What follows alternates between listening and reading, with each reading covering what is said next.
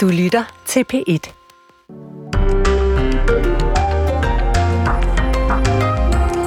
Som radiovisen også lige fortalte, så stiger antisemitismen rundt om i verden. I Frankrig for eksempel fortæller jødiske foreninger om en voldsom stigning i angreb på jøder i landet, og den franske indrigsminister sagde i weekenden, at der havde været over 1000 antisemitiske hændelser i Frankrig mod landets jøder i den seneste tid. Og samme udvikling ses i Tyskland og i USA, som vi også lige kunne høre i radioavisen, og øh, det hele skal jo naturligvis ses i lyset af krigen i Gaza. Vi ser i dag her i P1 Morgen på det had mod jøder, der er blusset op rundt omkring de seneste uger. Vi skal både til Frankrig, vi skal til Tyskland, og vi skal også til USA. Regeringens forebyggelsesplan på alkohol- og tobaksområdet er ikke faldet helt på plads endnu, men det er tæt på, så tæt på, at den allerede har mødt en del kritik. For selvom der er et bredt flertal, et, et stort udsnit af Folketingets partier, der ønsker, at der skal være færre ryger i Danmark, så viser et internt notat fra Skatteministeriet, at regeringens plan faktisk kan få flere til at vælge smøgerne. Ja, vi skal se på, hvordan det så hænger sammen, og hvad vi ellers ved om planen, som den ligger nu. Det gør vi sammen med vores sundhedskorrespondent Peter Kvartrup Geisling. Han øh, kommer forbi øh, lige efter nyhedsoverblikket. Og sådan lidt i, ja, lidt i samme punchball, hvis vi kan, det kalde, hvis vi kan kalde det det. Øh, så tager vi også i dag forbi de såkaldte posefester. Kendte ja. du det begreb? Nej. Sådan rigtigt? Nej, og det gjorde jeg heller ikke, og det kræver nok, at man har børn sådan lige i en bestemt aldersgruppe. Mm. Det er noget med, at når, øh, når ungerne sådan er en 14, 15, 16 år, øh, så bliver der arrangeret nogle fester, hvor man så kommer med en pose, den unge der, med noget alkohol, som man så giver til en voksen, der så passer på det her, og sørger for, at at det bliver delt ud i de, i de rigtige mængder på de rigtige tidspunkter sådan i løbet af aftenen. En måde at, at kontrollere, øh, hvordan man kommer i gang med at, at drikke ja. til fester på. Nu vil de i Skive forbyde de her fester i kommunens haller, og det er en rigtig god idé, lyder det fra hmm. Sundhedsstyrelsen. Mere om det senere. Det øh, tog noget tid. Det tog faktisk ret lang tid, men øh, nu er det endelig lykkedes for Spaniens siddende premierminister Pedro Sanchez og hans socialistparti at få lavet en aftale med det katalanske separatistparti Junts. Aftalen skal sikre, at øh, Sanchez bliver siddende på magten, og i bytte får Junts en øh, ny lov om amnesti for de katalanske politikere og aktivister, der blandt andet stod i spidsen for et illegalt valg om øh, øh, Kataloniens løsrivning tilbage i 2017. Carsten Humlebæk er med os, lektor på CBS og ekspert i spanske forhold. Godmorgen. Godmorgen. Hvad er hovedpunkterne i den aftale, der er blevet lavet?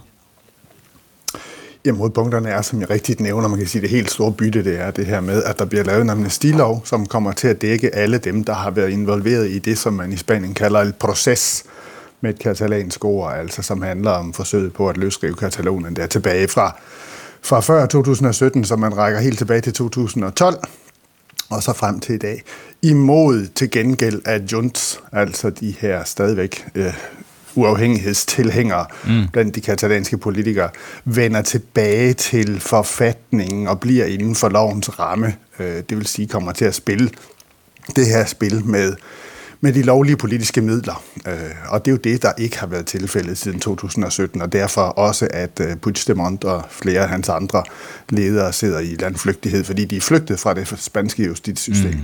Måske skal vi bare lige tage den helt kort, Carsten. Hvad var det, hvad var det der, der skete der i 17 og før 17? Altså, hvad var det, der var så skævt og forkert i, i set med, med Jamen, den spanske problemet var selvfølgelig, at Ja, problemet var selvfølgelig, at, øh, og det ikke ellers, det var hele, det var ikke bare dem, der sad ved regeringsmagten nu. Dengang var det jo lige præcis det konservative parti, mm. der sad ved magten, og de blev ved med ligesom at anerkende, at der ikke var et, politi- ikke at anerkende, at der var et politisk problem, så man endte med den her konfrontation omkring et forsøg på at holde en folkeafstemning. Det må man ikke, øh, fordi man ikke kan spørge, kan man sige. Der findes jo ikke det katalanske folk er i en eller anden forstand jo ikke øh, forfatningsmæssigt anerkendt, så derfor kan man ikke spørge dem om noget som helst. Skulle man spørge nogen om lov til, at en del af Spanien river sig løs, så skulle det være hele det spanske folk. Så det er et eller andet sted der, problemet ligger sådan helt oprindeligt, at der ikke er er forfatningsmæssig dækning for at spørge katalanerne øh, som folk om noget, fordi det et eller andet sted ikke fungerer, altså eksisterer.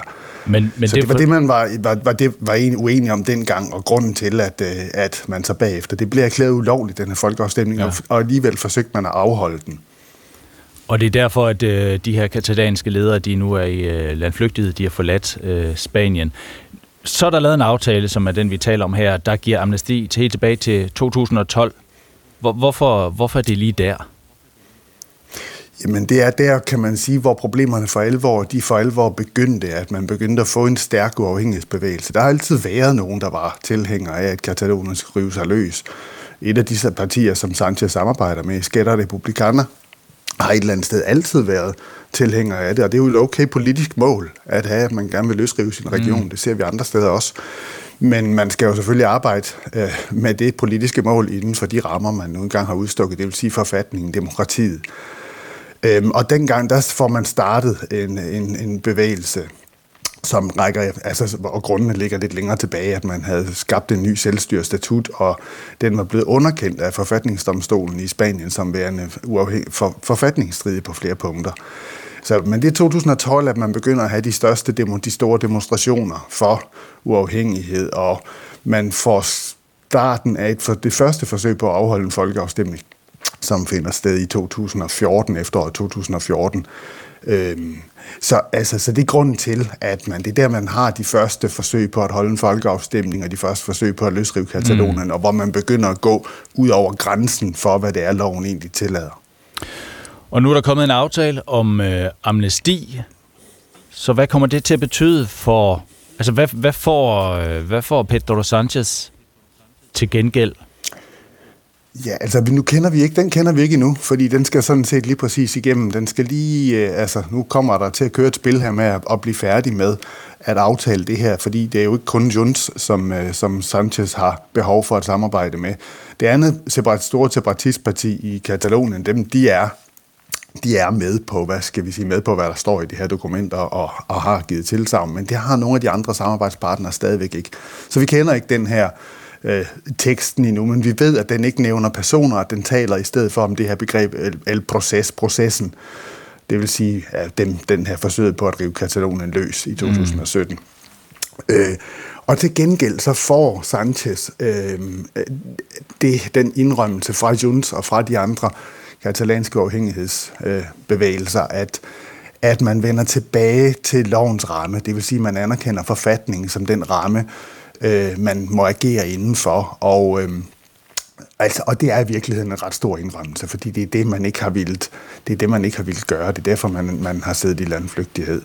Øh, så, så fra nu af, så er det inden for forfatningens ramme, faktisk så det dokument, vi så kender, som er det, de underskrev i går, øh, der står, der bliver brugt ret meget plads på at beskrive, hvad det er, man er uenig om. Og det er jo okay, altså, at man kan være uenig om ting. Øh, sådan er det i politik men man, men man anerkender den ramme, hvor man skal forhandle om det her, og, og forsøge at nå til nogle enigheder, eller finde på nogle nye kompromiser, for at komme ja. videre. Og så får Sanchez vel også øh, de stemmer, altså det, det, det er vel ja. essensen af det hele, de stemmer, der skal til for, at han kan danne regering. af det hele. Det er de her syv, der er syv parlamentsmedlemmer, som, og det er, en, det, er en, det, er en, øh, det er en aftale, der ikke kun handler om øh, indsættelsen, det vil sige om, at han kan blive premierminister. De har skrevet det ind som en aftale, der rækker hele, hele valgperioden for at give stabilitet til den regering, og for et eller andet sted jo også, at det er dybest set også stadigvæk at give Sanchez øh, arbejdsro, sådan at han kan øh, forsøge at vise, hvad det er, der rent faktisk ligger mm. i den her aftale, i stedet for at stå i en situation, hvor det kan godt være, at han lige endte med at være, blive premierminister, men at så begynder Junts at modarbejde regeringen på alle mulige måder. Så det er, en, øh, det er en aftale, der gerne skulle række de her fire år frem til næste valg. Så hvis det hele falder i hak, altså højrefløjen er stærkt utilfreds, men hvis det hele falder i hak for, for Sanchez, så skulle den gerne være lukket herfra, i hvert fald frem til, til næste valg. Så skal han ikke bruge øh, alt for mange kræfter på, øh, på, på den der løsrivelsesdiskussion i forhold til det katalonske spørgsmål.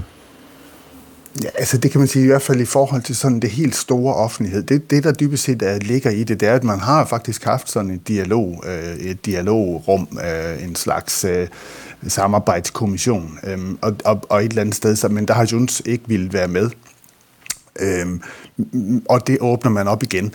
Øh, og det er klart, at over for de katalanske separatistpolitikere, der skal man faktisk, der bliver han stadigvæk afhængig af at vise, at det her faktisk gør en forskel, at vi nu har fået det her rum, hvor vi begynder at forhandle om de her diskussioner. Altså, der er mm. flere andre ting på bordet også, som kommer til at være vigtige, men som ikke kun er de katalanske øh, separatistpolitikere eller regeringer, der der kræver blandt andet sådan en ny finansieringsmodel for, øh, for de selvstyrende regioner og så videre. Så der, der skal mm. vises jo over for dem, skal der vises, at det her faktisk er bedre, end at være i den situation, hvor man er på di- i direkte konfrontation hele tiden. Vi har sådan set allerede set i går et lille, øh, et lille bitte, en lille bitte smagsprøve på, at, at det nu lader til, at de to store partier, separatistpartier, vender tilbage.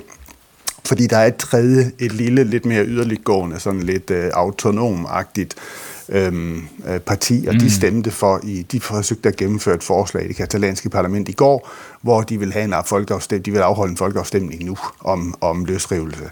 Og det stemmer både Junts og, og Skatter og Republikaner, de to store separatistpartier, det stemmer de imod. Så der er noget, der tyder på, at, øh, at de mener det alvorligt med at prøve at vende tilbage til, til forfatningens ramme mm. for, at, øh, for at forhandle om de her ting. Carsten Humlebæk, tak for analysen. Selv tak. Lektor på CBS, ekspert i uh, spanske forhold. Kvart over 6. 85-årsdagen for Krystalnatten blev i øh, aftes markeret blandt andet ved øh, synagogen i København. Politikere på begge fløje var troppet op, holdt taler. Det jødiske samfund i, i Danmark vurderer, at der var også mødt omkring 4.000 almindelige personer op til det her fakkeltog. Og blandt de fremmødte var også statsminister Mette Frederiksen. Lad de fakler, der lyser i aften, netop kaste det lys. Kaste det lys, der viser os, at sammenholdet i Danmark er stærkere end hadet. Kaste det lys, der viser os viljen til, at fortidens ondskab ikke får lov at forfølge os ind i fremtiden. Kast det lys, som vi alle har brug for i en mørk tid.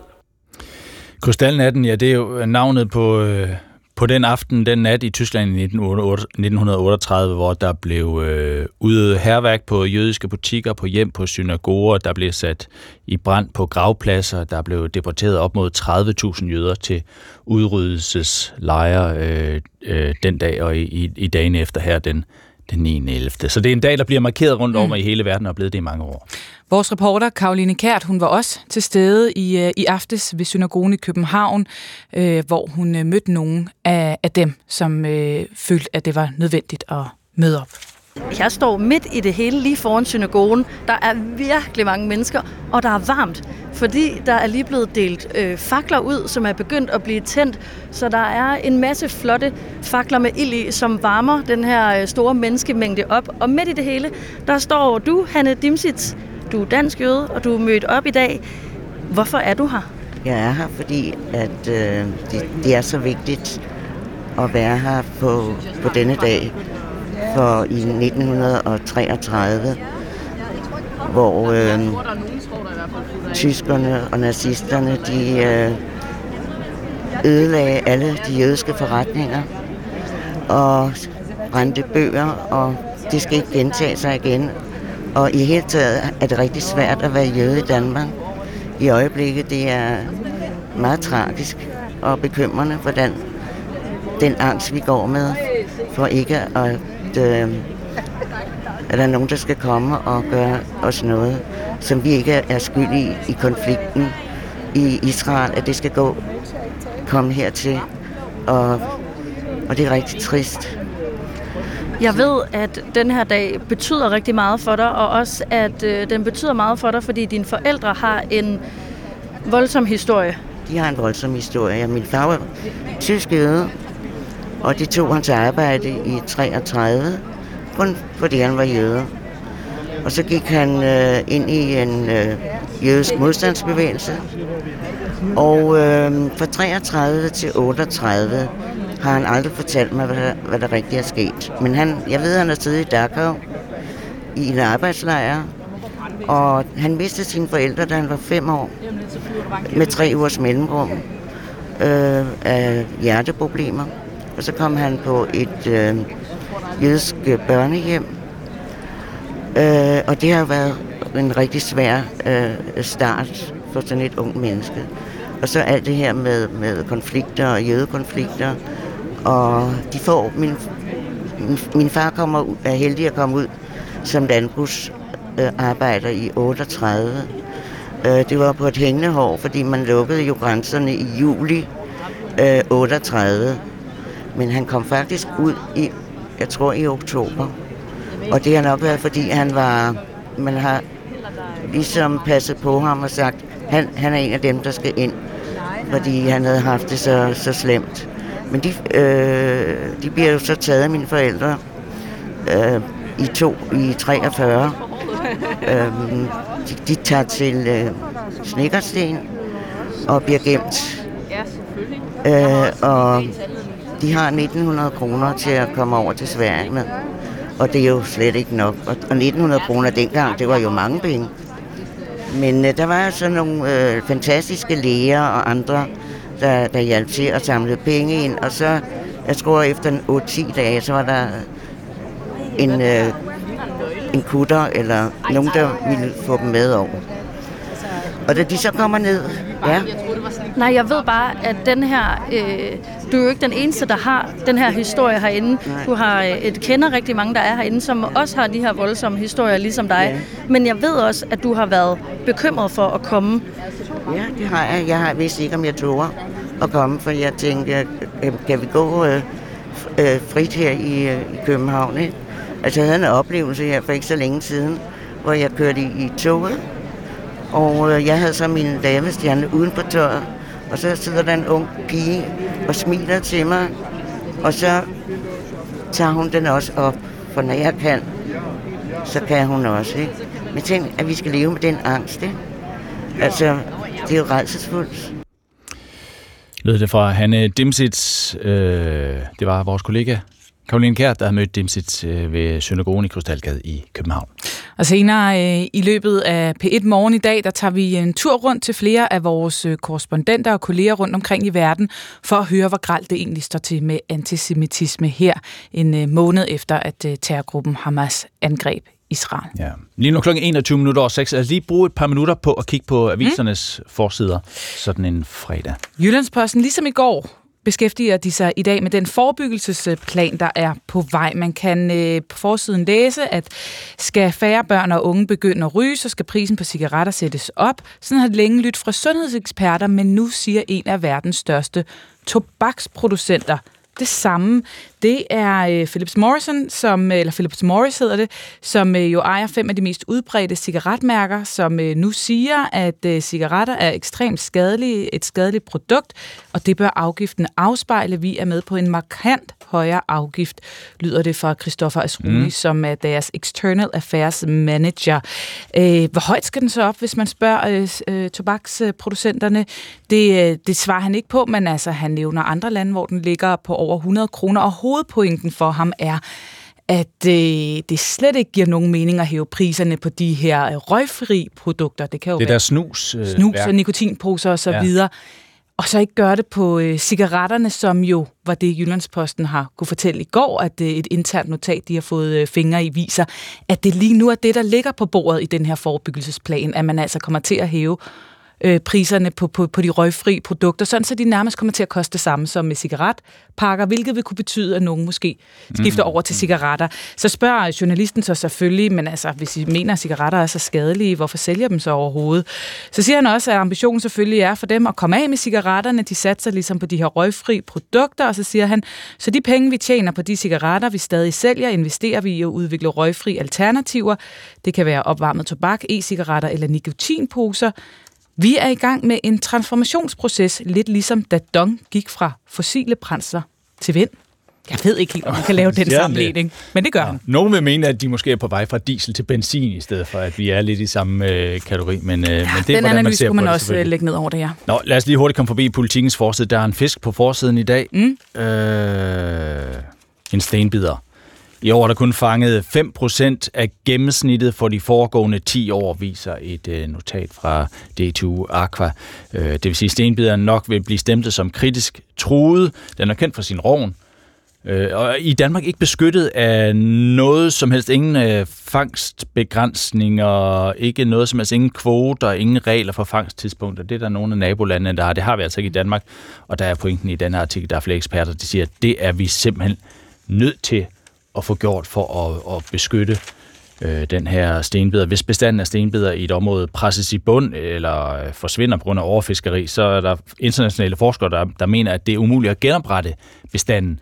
Det vil sige, at hvis den første er væk, så er der, så er der ikke nogen til at lære, at de så skal komme tilbage dertil. Så hvis de er væk, så er de væk, væk, er der forskere. Hmm. Ingen stenbiderovn til forårsklassikeren med ja, det er, rødløg og det, er, det bliver sværere og sværere i hvert fald.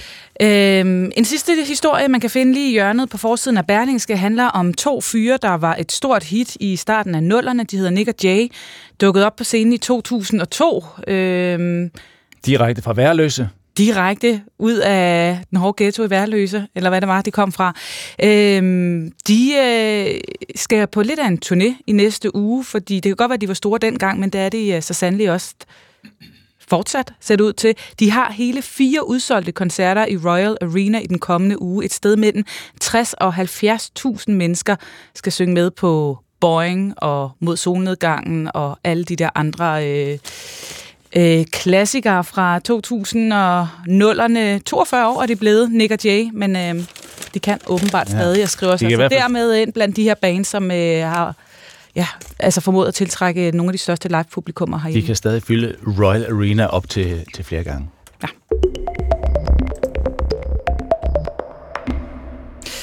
Det er lidt over et halvt år siden, at krigen i Sudan i det nordøstlige Afrika mellem to rivaliserende generaler tog fart, siden af millioner ifølge FN's organisation for migration drevet på flugt. I sidste uge besejrede RSF, øh, den ene af de to stridende parter, øh, den øh, sudanesiske her i det sydlige, vestlige og centrale Darfur-region i, i Sudan. Og nu forbereder de sig på at indtage øh, øh, det nordlige område, hvor 100.000 vis af internt fordrevne mennesker har søgt tilflugt. Godmorgen, Stig Jensen. Godmorgen, Stig Jensen. Godmorgen. Der var du, lektor i Afrikastudier ved Københavns Universitet. Øhm, lad os lige prøve at øh, få tegnet øh, skitsen til den her konflikt op. Altså, hvad er det, der ligger til grund for striden mellem militæret på den ene side, og så den her gruppe RSF på den anden side? Jeg synes jo i første omgang, at man skal rulle tiden tilbage til 2019, hvor der var store folkelige demonstrationer i, i hovedstaden og andre, andre byer i Sudan. Og det, der så sker der, det er, at den mangeårige militærleder øh, Bashir bliver sat for bestilling af militæret. Og det, der så sker efterfølgende, det er sådan set, at, øh, at den her overgangsregering øh, den er i konflikt med andre grupper i landet, og især en anden stor militærgruppe, som hedder Rapid Support Force.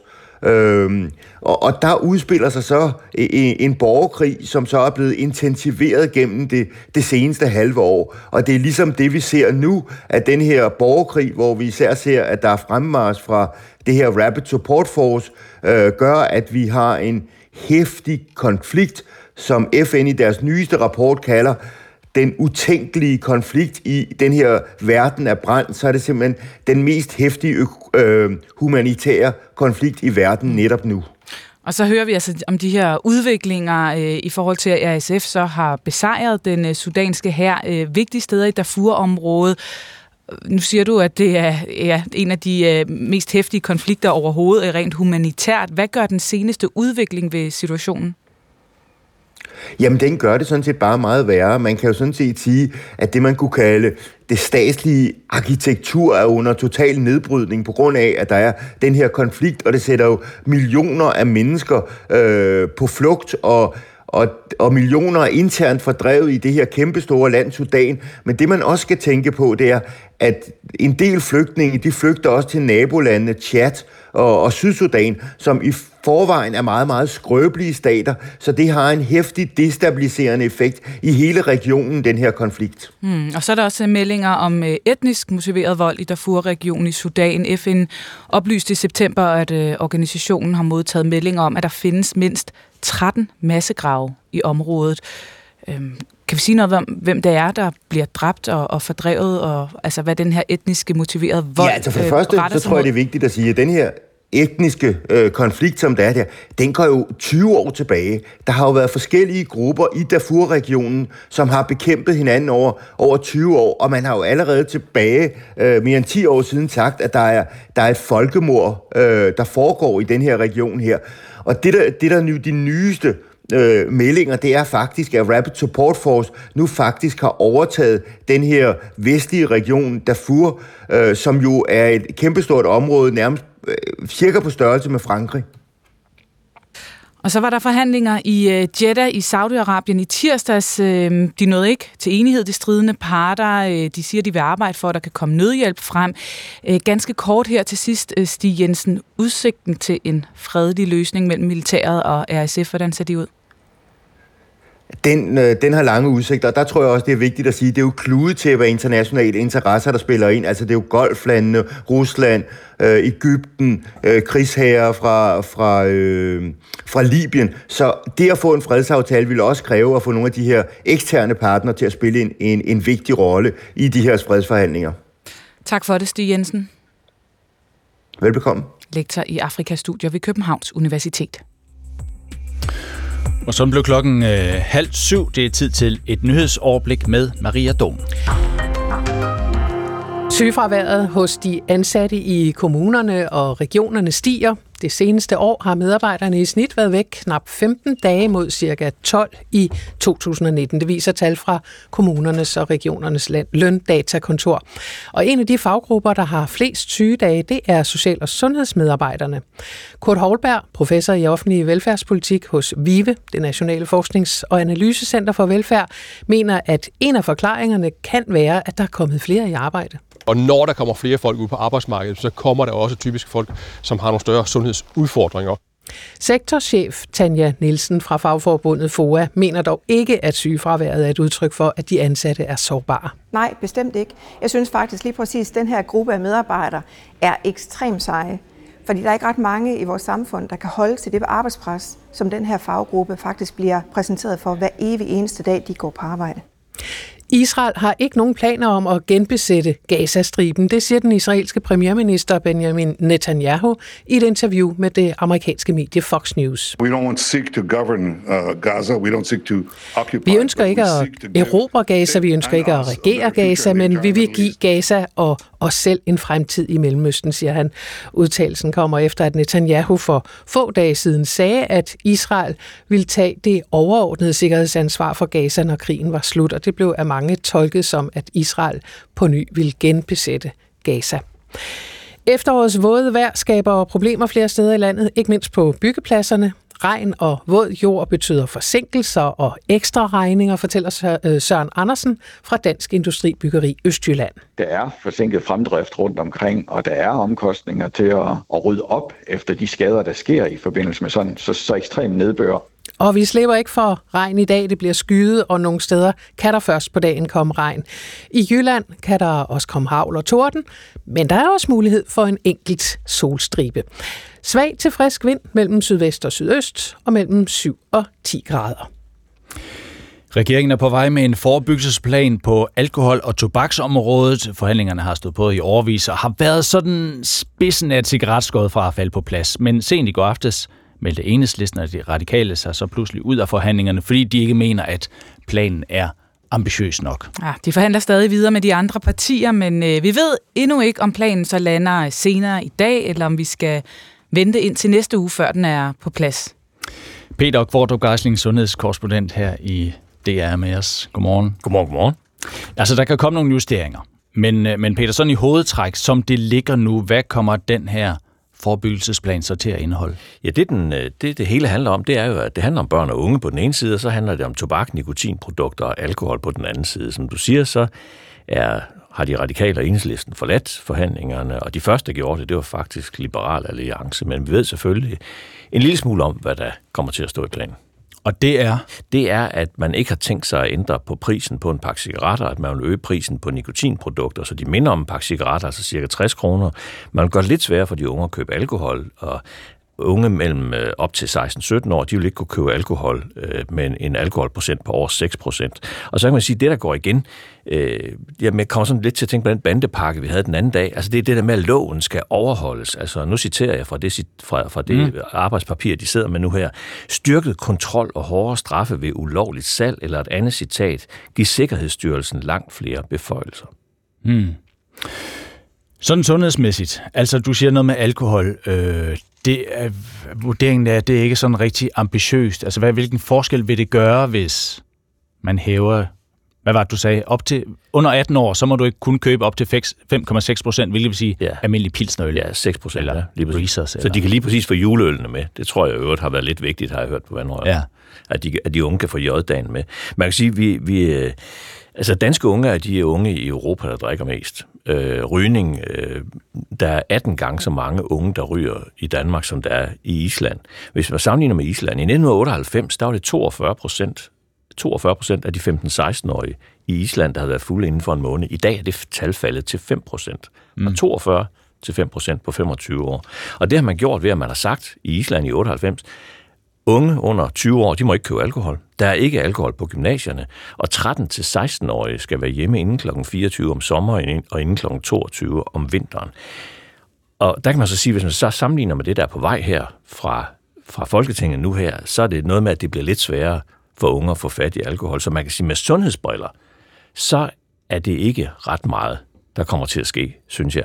Men du ved, Folketinget, altså der er jo nogen, der, er nogen, der nogle gange siger til mig, fint nok, at du interesserer sig så meget for sundhed, men der er en ting, der er vigtigere for mig, er der nogen, der siger i Folketinget, nemlig den enkeltes frihed. Mm. Så det der med, at den enkelte kan bestemme over sit eget liv, det kommer man i hvert fald til fortsat at kunne. Ja, det er klart, det er med på vægtskålen i, i, i Folketinget, ja. når, når der skal træffes beslutninger derinde. Øh, du nævnte også priserne på cigaretter, eller priserne, de, som det ligger nu, det bliver ikke ændret, men, men snus, poser, eller hvad vi nu kalder det, ja. øh, de bliver skruet op ja. prismæssigt. Ja. Der kommer til at ske noget med økonomien. Og, og i hele taget, altså, og, og det med, med økonomi, øh, argumentet har været brugt flere gange, hvor man har sagt at øh, til hele til alle de andre end regeringspartierne, at hvis, øh, hvis I vil hæve øh, priserne for eksempel til 100 kroner for en pakke cigaretter, som, som de fleste øh, eksperter, der går op i det her, vil jo synes øh, vil være en god idé, øh, så skal der findes øh, næsten 5 milliarder kroner et andet sted, altså indtægter, afgifter, som man mister, som man mister indtægterne fra osv. Men, men jeg har også et andet notat fra Skatteministeriet, altså Røgfri Generation 2030. Mm. Det der med, at dem, der er født fra 2010 og så frem til i 2030, vil vi så have en røgfri generation, hvis de ikke måtte øh, ryge overhovedet. Altså der vil man spare 15 milliarder på den lange bane. Så, så det er lidt, hvordan man regner det der ud, om man nu også tager indtægterne med på den lange bane over de sygdomme, vi slipper for at behandle. Mm. Fordi det er jo det, det hele handler om. Altså det, det er stort set hver tredje dansker, der dør af en tobaksrelateret sygdom. Sådan er det jo i Danmark. Ikke? Mm man har lige snakket om 10 milliarder i skattelettelser. Ikke? Hvis man har brugt halvdelen af de 10 milliarder, i stedet for at bruge dem på skattelettelser, man så har brugt den på det her, jamen så har vi jo haft, vi, man har reddet tusindvis af menneskers liv, der kommer til at dø af tobaksrelaterede sygdomme. Men igen, hvad er politik? Politik er prioritering, det er værdier. Men hvis vi kigger på det fra et sundhedsmæssigt perspektiv, fordi noget af det, der har været fremme i forhold til nikotinprodukterne over for cigaretterne, det er jo, at hvis man så hæver priserne på nikotinprodukterne, så kan det få flere til måske at skifte over til cigaretterne igen. I hvert fald kan ja. det være lige så billigt måske at købe en pakke cigaretter. Ja. Men vi ser jo også, tænker jeg, at de her nikotinprodukter jo altså bulrer frem, og, og masser af unge, der hopper på den her bølge. Hvor stort en sundhedsmæssig udfordring er de her det er, nikotinprodukter? Det er en, ja, godt spørgsmål. Det, det er jo en stor udfordring. Altså, nikotin hører ikke hjemme i hjernen hos en, et ung menneske, et barn eller et ung menneske, der er ved at udvikle sig. Og samtlige medier i Danmark har fortalt masser af historier om puffbars med op til 200 gange så meget nikotin i som cigaretter osv. Det går simpelthen ikke. Så man kan sige, hvis, hvis, når, når det nu handler om alkohol, nikotinprodukter og tobak, så kan man sige, at alkohol og tobak kommer lidt i, i skyggen, synes jeg her. Til gengæld, så forsøger de virkelig at sætte en prop i det der med nikotinprodukter. Og giver det sundhedsfagligt mening ja, at gøre det. det, selvom der så måske var nogen, der... Ja, jeg tror, de fleste vil sige, at man skulle, man skulle gøre mere ved tobak og alkohol mm. også, når man nu er i gang. Ikke? Men det gør mildstalt, der er mildstalt god grund til sundhedsfagligt at sætte en prop i alt det der nikotin, som er så let at få fat i for børn og unge. Men sådan sundhedsmæssigt, Peter Kvartrup bare lige til allersidst, hvis, hvis du nu har en øh, ambitionsskala fra 1 til 10, hvor 10 det er, der er vi i nærheden af Island, og det de har gjort der, ja. og 1 det er nogen, der slet ikke gør noget. Ja. Hvor ligger den her plan? Så, ligger vi på en øh, 4-5 stykker, vil jeg sige. Forestil dig, at du kører din bil i vaskehallen, ikke? så ved du godt, der er den der til 59 kroner. Den billige, den der næsten river sidespejlen af. Ikke? Og så er der den til 159, ikke? den dyre med undervognsbehandling. Ikke? Her er vi altså tæt på den billige vask, vil jeg sige. Ja, sådan lød øh, vurderingen fra sundhedskorrespondent og øh, bilvask kender Peter Kvartogræsning. Tak for det. Ja, tak, og godmorgen.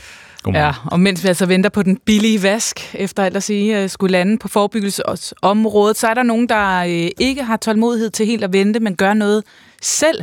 Det gør det i Skive. Her vil øh, kommunen nemlig skrotte et øh, særligt alkoholinitiativ. Det er de her posefester, der skal stoppes. Ja, det skal altså stoppes. Øh, posefesterne foregår sådan rundt om i hele landet, ikke kun i Skive, og festerne går i sin enkelhed ud på, at øh, unge, helt ned til øh, 14-15 års alderen, hver især medbringer en pose med alkohol, øl, breezers, hvad man nu øh, har lyst til, og øh, ja, de bliver så afleveret til, til nogle voksne, de her poser. Mm. Eller og det, det kan være det, lige præcis, de holder opsyn med det, og så kan man komme op og få udleveret alkoholen. Øh, en af dem, der ved, hvordan det fungerer, det er Agnete Højbak. Hun er 15 år. Hun har gået til posefester i Spøtrup, siden hun var 14. Når du kommer ind, så afleverer du din jakke og din pose, og så får du et nummer på armen, og så har din pose det samme nummer.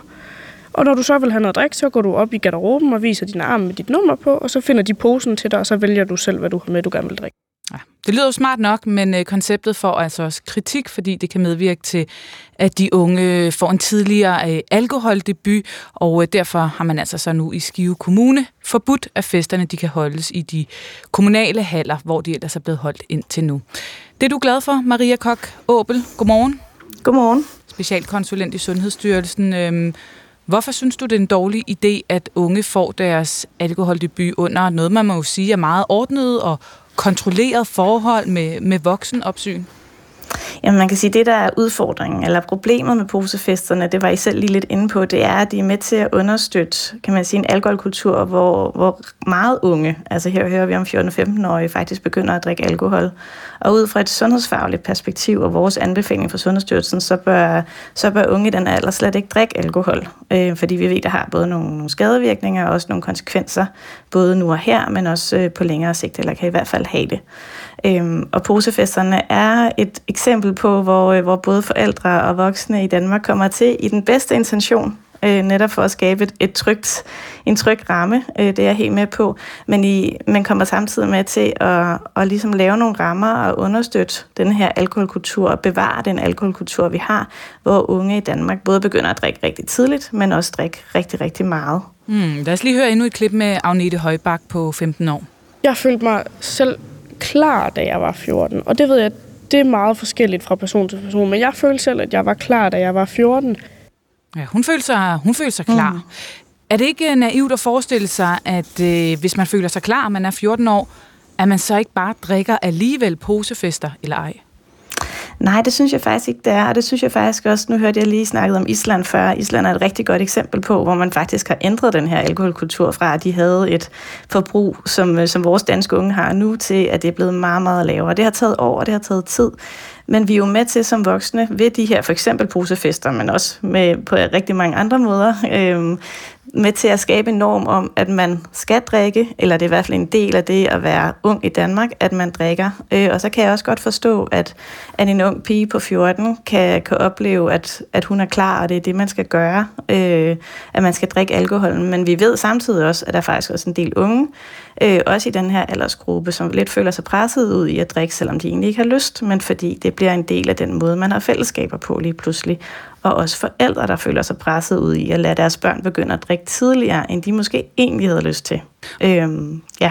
Ja, fordi altså, jeg tænker, at det her det kan hurtigt blive en diskussion om synsninger, og hvordan bør det være. Men hvad ved vi sådan rent øh, videnskabeligt, talmæssigt om, om altså, en posefest som det her? Altså noget, hvor man som forældre går med ind og, og styrer nogle fester om det virkelig bidrager til en tidligere mm. alkoholdebut. Er det noget, vi har noget dokumentation på? Altså, vi har i hvert fald dokumentation på, at der, hvor forældre er med til at understøtte, at de unge begynder at drikke tidligt, øh, og, også, og, og drikker også for eksempel hjemmefra. Altså, den her, der har været lidt en myte om, at det er en god idé at lære sit barn at drikke alkohol hjemmefra.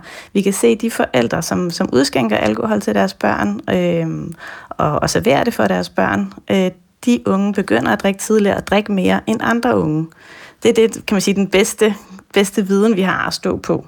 Mm. Øhm, og der kan man sige, at det her, det er jo lidt det samme. Der er det forældrene, der står og, og, øh, og giver alkoholen til, til de unge, når de kommer med deres poser.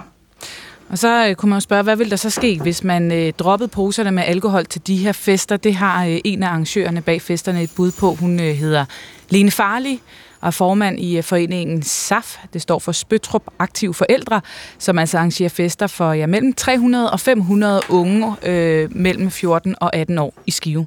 Det kunne man sagtens. Øh, men så tror jeg simpelthen ikke på, at vi overlever. Så tror jeg simpelthen ikke, at de unge mennesker de kommer herud. Hvorfor ikke det? Fordi de gerne vil drikke. Så, så jeg tror simpelthen ikke på, at, at, at de vil støtte vores fester herude. Så er der andre fester i Skive Kommune i stedet for, de kan tage til. Ja, flytter man ikke bare rundt på problemet med, med unge, der drikker for tidligt ved at stoppe de her posefester? Altså jeg er helt med på, at der er også et dilemma i forhold til de unge, som som måske er begyndt at drikke alkohol, og der kan det være rigtig svært at ændre kulturen for dem og de normer, der er i deres fællesskaber i forhold til alkoholen. Men vi har erfaring fra både fra Island, men faktisk også fra flere danske kommuner, som, som i stedet for de her posefester, hvor der er alkohol, så holder de nogle mega fede fester, hvor der bare ikke er alkohol, og der gider de unge faktisk godt at komme. Øhm, der er mange, der er bekymrede for, at de unge så ikke gider at komme, men vi ser faktisk øh, flere af de her eksempler, hvor der bliver holdt de her alkoholfrie fester, øh, hvor de unge faktisk kommer. Øhm, så det er også lidt, hvad er det for en, hvad er det for en ramme, vi stiller op? Øh, og det synes jeg, vi som voksne skal tage ansvar på, eller ansvar for. Hmm. Ja, øh, nu snakker vi jo meget om prosefesterne lige præcis Skive Kommune. Det er jo ikke bare der, man har holdt dem. Man holder dem mange andre steder. Det er udbredt rundt omkring i Danmark. Hvad tror du, der skal til for, at, øh, at flere øh, får øjnene op for, for det, du sådan synes er øh, fuldstændig åbenbart, at det ikke er en god idé på den her måde at, øh, at lave fester, hvor man øh, under ordnet forhold øh, øh, ja, laver nogle ordninger, hvor øh, unge kan drikke øl og breezers og hvad de ellers måtte have med. Jamen, jeg tror faktisk, at det handler rigtig meget om at, at udbrede noget viden, og også omkring, kan man sige, forældrene og de voksnes betydning øh, for de unges brug af alkohol, og det faktisk har en rigtig stor betydning for os den kultur, der er, for de normer, der er, hvad vi voksne sætter og rammer øh, for de unges fællesskaber, når de er så unge, som, øh, som vi kan høre, de er her. Tak for det, Maria Kok Obel. Det var så lidt. Specialkonsulent i Sundhedsstyrelsen. Klokken er blevet 14 minutter i syv.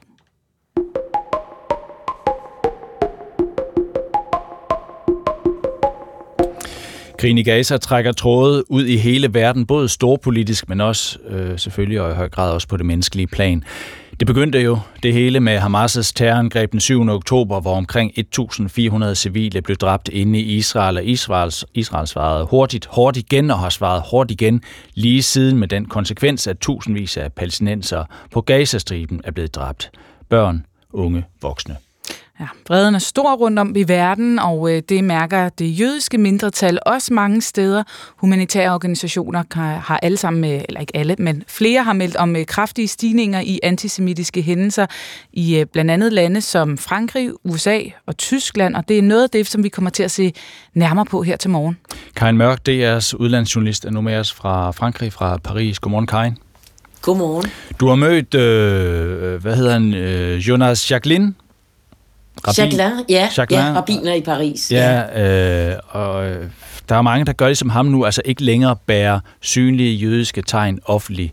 Øh, for eksempel går han ikke med sin øh, kalot, og i går blev en af hans kolleger, en rabiner, overfaldet i metroen, og, og han råder sine øh, trosfælder til at være ekstremt forsigtige. Ce dernier mois, on fait très attention quand on arrive à la synagogue, quand on repart de la synagogue, quand on entre dans des magasins cachers, quand on ressort des magasins cachers.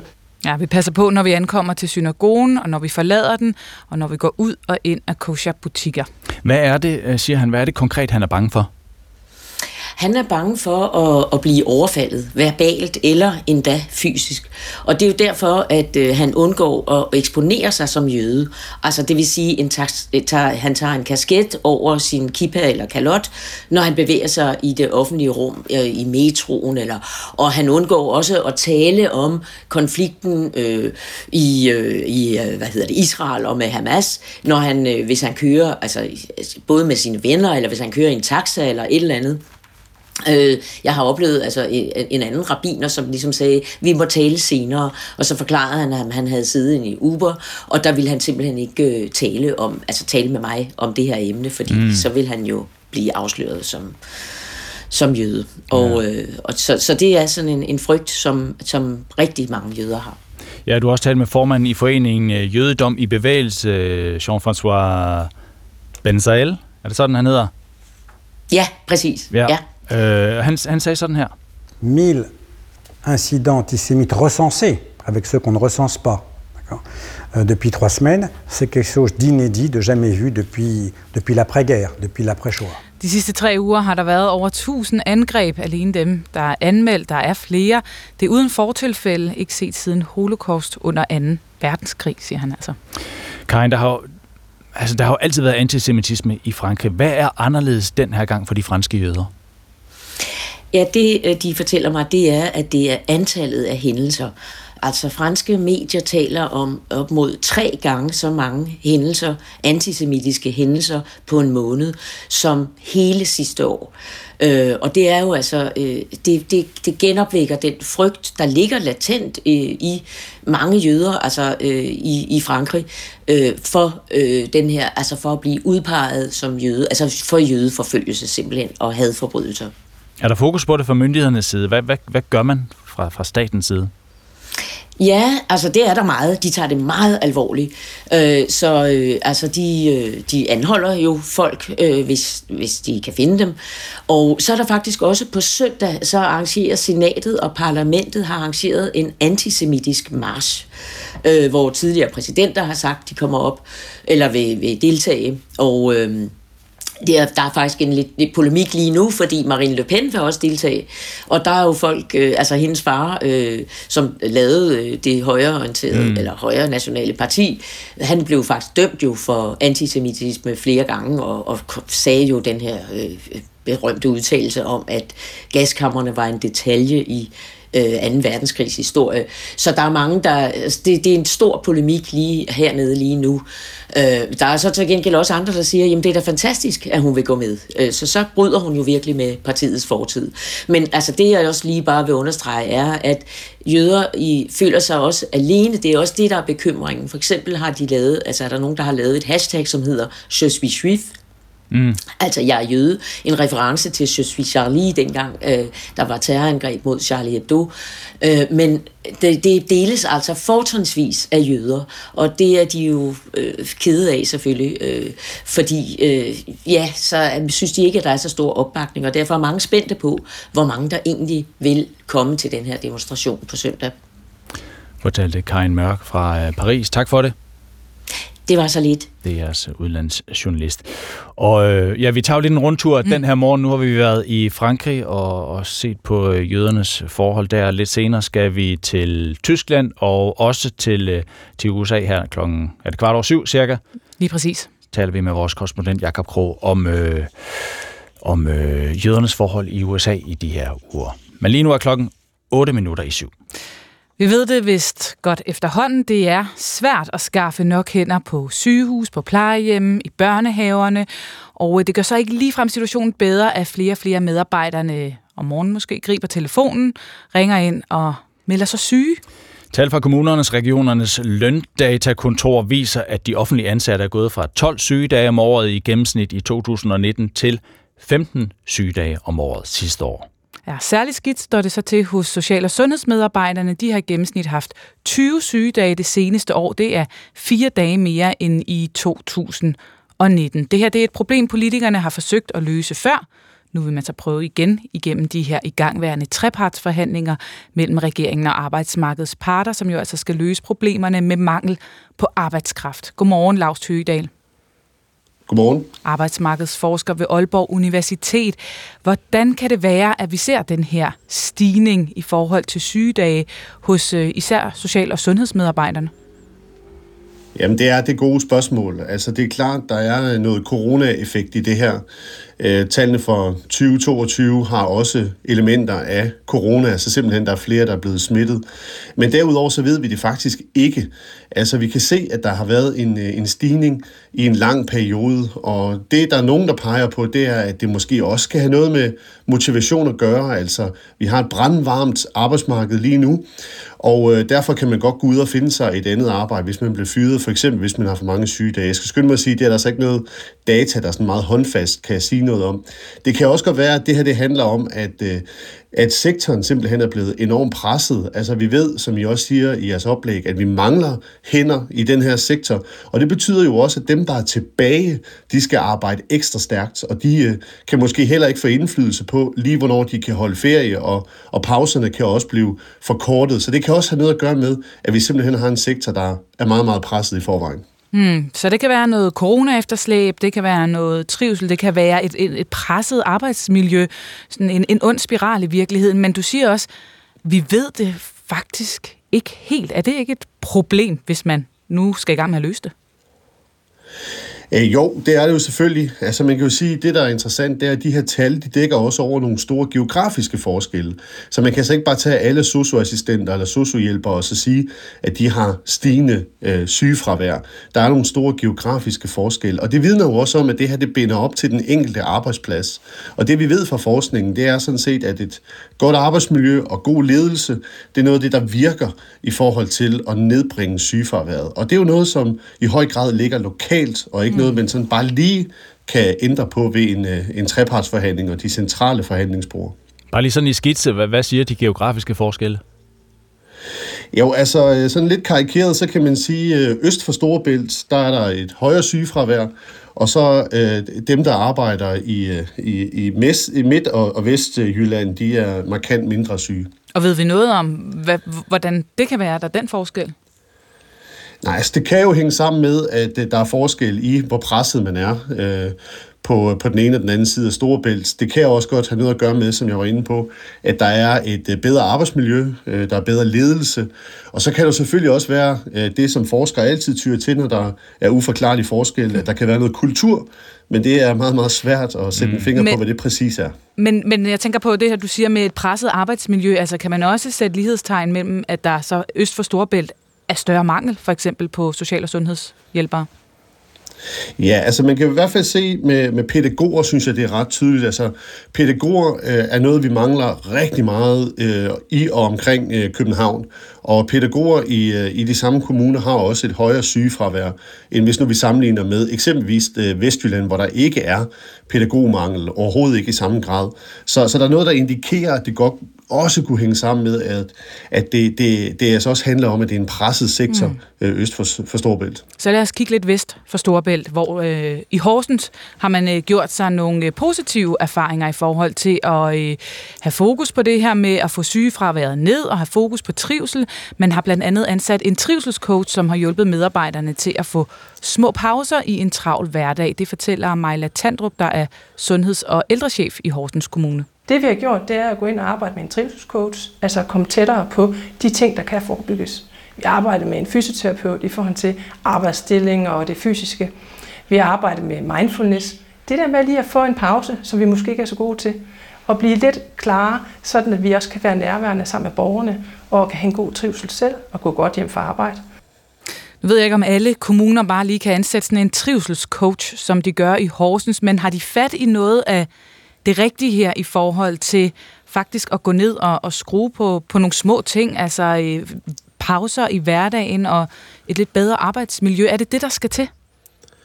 Ja, øh, det, øh, det er jeg overbevist om, og jeg synes faktisk, det er et rigtig godt eksempel på, hvordan man via noget forebyggende indsats og et stærkt fokus på netop arbejdsmiljøet, kan gøre noget for at nedbringe sygefraværet. Det rimer rigtig godt på de øh, resultater, vi har fra forskningen, som igen og igen peger på, at det gode arbejdsmiljø, en forebyggende indsats, det er det, der er vejen frem. Mm. Men du peger også på, at øh, problemerne er forskellige fra landsdel til landsdel. Lige nu sidder regeringen så, eller de skal til at sidde i den her trepartsforhandling og kigge på løsningerne. Hvis, hvis problemerne er meget forskellige øh, rundt omkring, giver det så mening med sådan et nationalt værktøj, som en trepartsforhandling jo er?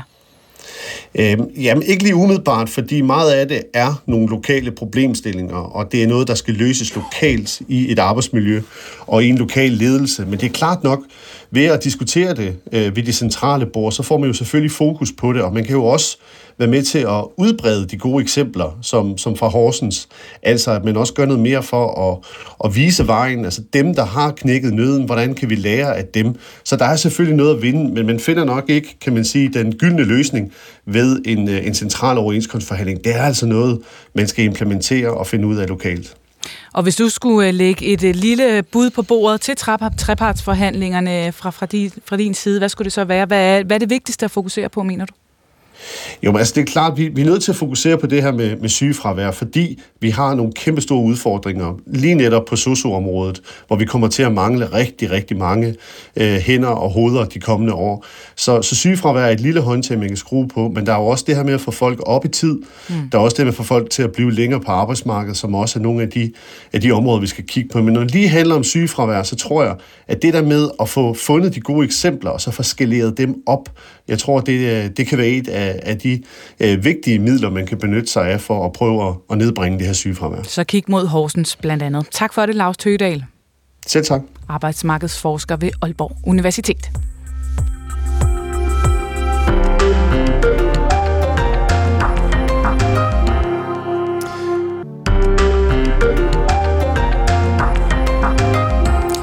Fra Berlin til USA og Paris til København, ja, der oplever jøder lige nu en øget utryghed. Noget, der også blev i talesat, da krystalnatten i aftes blev markeret i blandt andet København. Kast det lys, som vi alle har brug for i en mørk tid. Ja, velkommen til en uh, p morgen, hvor vi blandt andet sætter fokus på den øgede antisemitisme rundt om i verden. I den her uge, eller i den her time skal vi blandt andet til USA, Israels nærmeste allierede, for at høre, hvordan krigen mellem Israel og Hamas har påvirket forholdene for øh, amerikanere med jødisk baggrund. Det er især på universiteterne, at fronterne trækkes skarpt op. Vi får en status på jødehad, men også på islamofobi i USA her cirka kvart over syv. Der kommer flere og flere sager, hvor journalister, NGO'er og andre kritiske stemmer bliver forsøgt stoppet med en mundkurv på millionstore erstatningskrav. Lige nu oplever Greenpeace det 60 millioner kroner og et forbud mod fremtidige protester forlanger Shell, efter at øh, organisationen tidligere i år borede en af deres olieplatforme.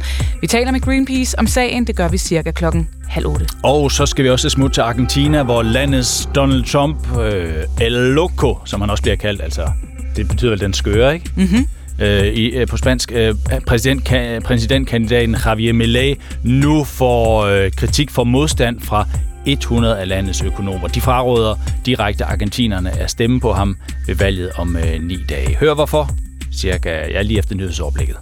Her i studiet er vi Ole Brink og Pernille Rødbæk. Kan USA både øge deres øh, militære støtte i Ukraine og i Israel, og samtidig styrke deres tilstedeværelse i Østasien? Ja, det spørgsmål stiller lande som Japan, Taiwan og Filippinerne lige nu sig selv. Lige nu, hvor USA jo bruger store mængder af tid og kræfter på krigen mellem Israel og Hamas. Bekymringen er, at, bekymringen er, at netop øh, som USA for alvor var begyndt at få militære og økonomiske aftaler på, på plads med landene i Østasien, så mister de interessen eller overskuddet eller lysten til det på grund af krigen i Mellemøsten. Rasmus Sending Søndergaard, seniorforsker ved Dansk Institut for Internationale Studier. Godmorgen. Godmorgen.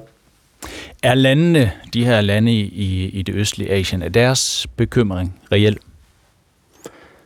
Ja, det er den der. Øhm, altså, de er selvfølgelig bekymrede for, at man nu fra deres synspunkt nok en gang oplever, at USA sidder fast i Mellemøsten, og selvfølgelig også øh, i Europa kvæg deres opbakning til Ukraine. Og øh, selvom at øh, både øh, forsvarsminister Austin og udenrigsminister Blinken er på besøg i, i Asien de her dage, så kan det jo ikke ændre på, at øh, amerikanerne har svært ved rent faktisk at levere nogle af de øh, ja, ammunition og våben osv., som øh, de har lovet nogle af deres asiatiske allierede, fordi at de simpelthen lige nu ikke kan producere nok, fordi de sender så meget til Israel og Ukraine i stedet for. Mm. Og det er jo et spørgsmål om prioritering, så hvorfor bliver Israel prioriteret højere fra USA? Ja, altså fra amerikansk side har man jo helt tilbage fra Obama øh, under Trump og ja, også under, under, under Biden forsøgt at lave øh, varierende versioner af det, som Obama kaldte pivot to Asia, altså at, at skifte fokus til Asien ud fra en eller anden betragtning om, at Asien ville være der, hvor det 21. århundrede blev formet, og ikke mindst, at Kina ville være USA's øh, største rival. Men det er jo nok fint nok at have sådan en ambition og lægge sådan en strategi, men i realiteten så vil amerikanerne kvæg deres position i verden og den her forestilling om, at de ligesom skal træde til, når tingene brænder på rundt omkring, og de har en masse allianceforpligtelser, for eksempel i forhold til europæiske lande og lande i Mellemøsten. Så når der sker en konflikt, så, øh, så er de simpelthen nødt til at, at reagere. De føler sig, føler sig presset til og forpligtet til øh, at ligesom træde til, øh, og i det her tilfælde at hjælpe Israel i Mellemøsten.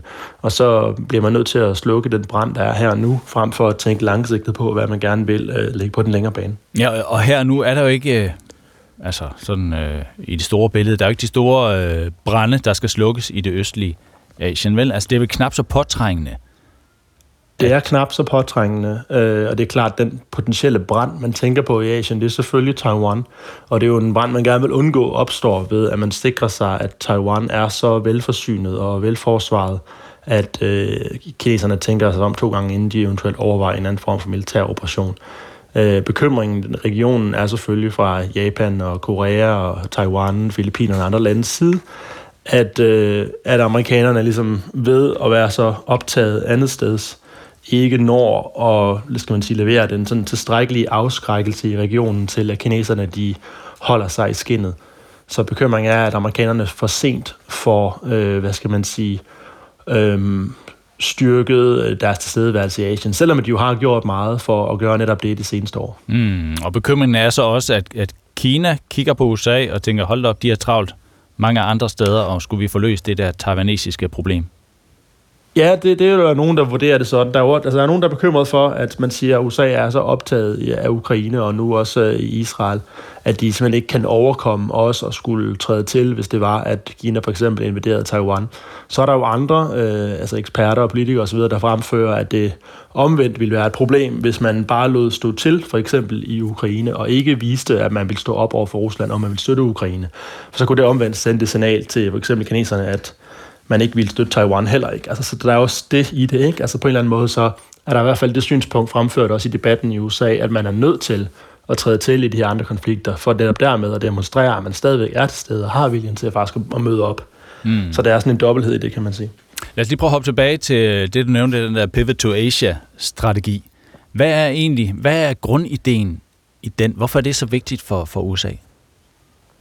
Ja, men altså i den oprindelige udformning, det var jo øh, Barack Obama, der kom, øh, kom på det, um, i hvert fald gav brugte udtrykket pivot to Asia. Ikke? Øhm, der handler det jo om, at man har ønsket at lave sådan en, kan man kalde det en, en strategisk rekalibrering af ens prioriteter og ens ressourcer mod Asien, i erkendelse af, at Asien bliver det økonomiske og politiske centrum i det 21. århundrede. Og for at gøre det, så skulle man så trække sig ud, især af Mellemøsten, de krige, man var i, uh, Irak og Afghanistan i den periode under Obama. Uh, men også skulle man overlade Europa en lille smule mere til sig selv til USA kunne bruge flere ressourcer på Asien. Det er sådan, det 20. århundrede har været defineret af Europa og amerikanske militær tilstedeværelse og amerikansk økonomiske fokus har været på Europa. Det skulle man ligesom rekalibrere lidt ved at flytte flere ressourcer og mere fokus til Asien mm. i stedet. Og man er, man er i gang med det siger du? Altså, man, vi, vi er, man er i gang med ja. det. Altså, man har jo øh, fået gang i for eksempel den her øh, sikkerhedsdialog, den såkaldte Quad med Indien, Australien og Japan. Man har for nyligt, jo, eller tilbage i, det 22, øh, øh, startet det her såkaldte AUKUS-samarbejde, hvor det er USA sammen med Storbritannien og, øh, og Australien, øh, som handler om nogle atomdrevne ubåde, men at de, begge de her alliancer, og også USA, sådan, skal man sige, øh, styrkelse af nogle af de bilaterale alliancer med lande i regionen, har alt sammen til fælles, at øh, skal man sige, indlejer USA mere i regionen, og skabe øh, bedre sådan strategisk militært samarbejde mellem USA og nogle af de her allierede øh, i regionen. Så man er helt klart i gang med det. Man er i gang med at øge tilstedeværelsen. Men det har ikke været en sådan omfattende pivot, en omfattende rekalibrering. Det har mere været sådan en, en gradvis opjustering. Om, altså den del af pivot, som jo gik ud på, at man skulle være mindre til stede andre steder, den har ikke rigtig lykkes så meget nu. Mm.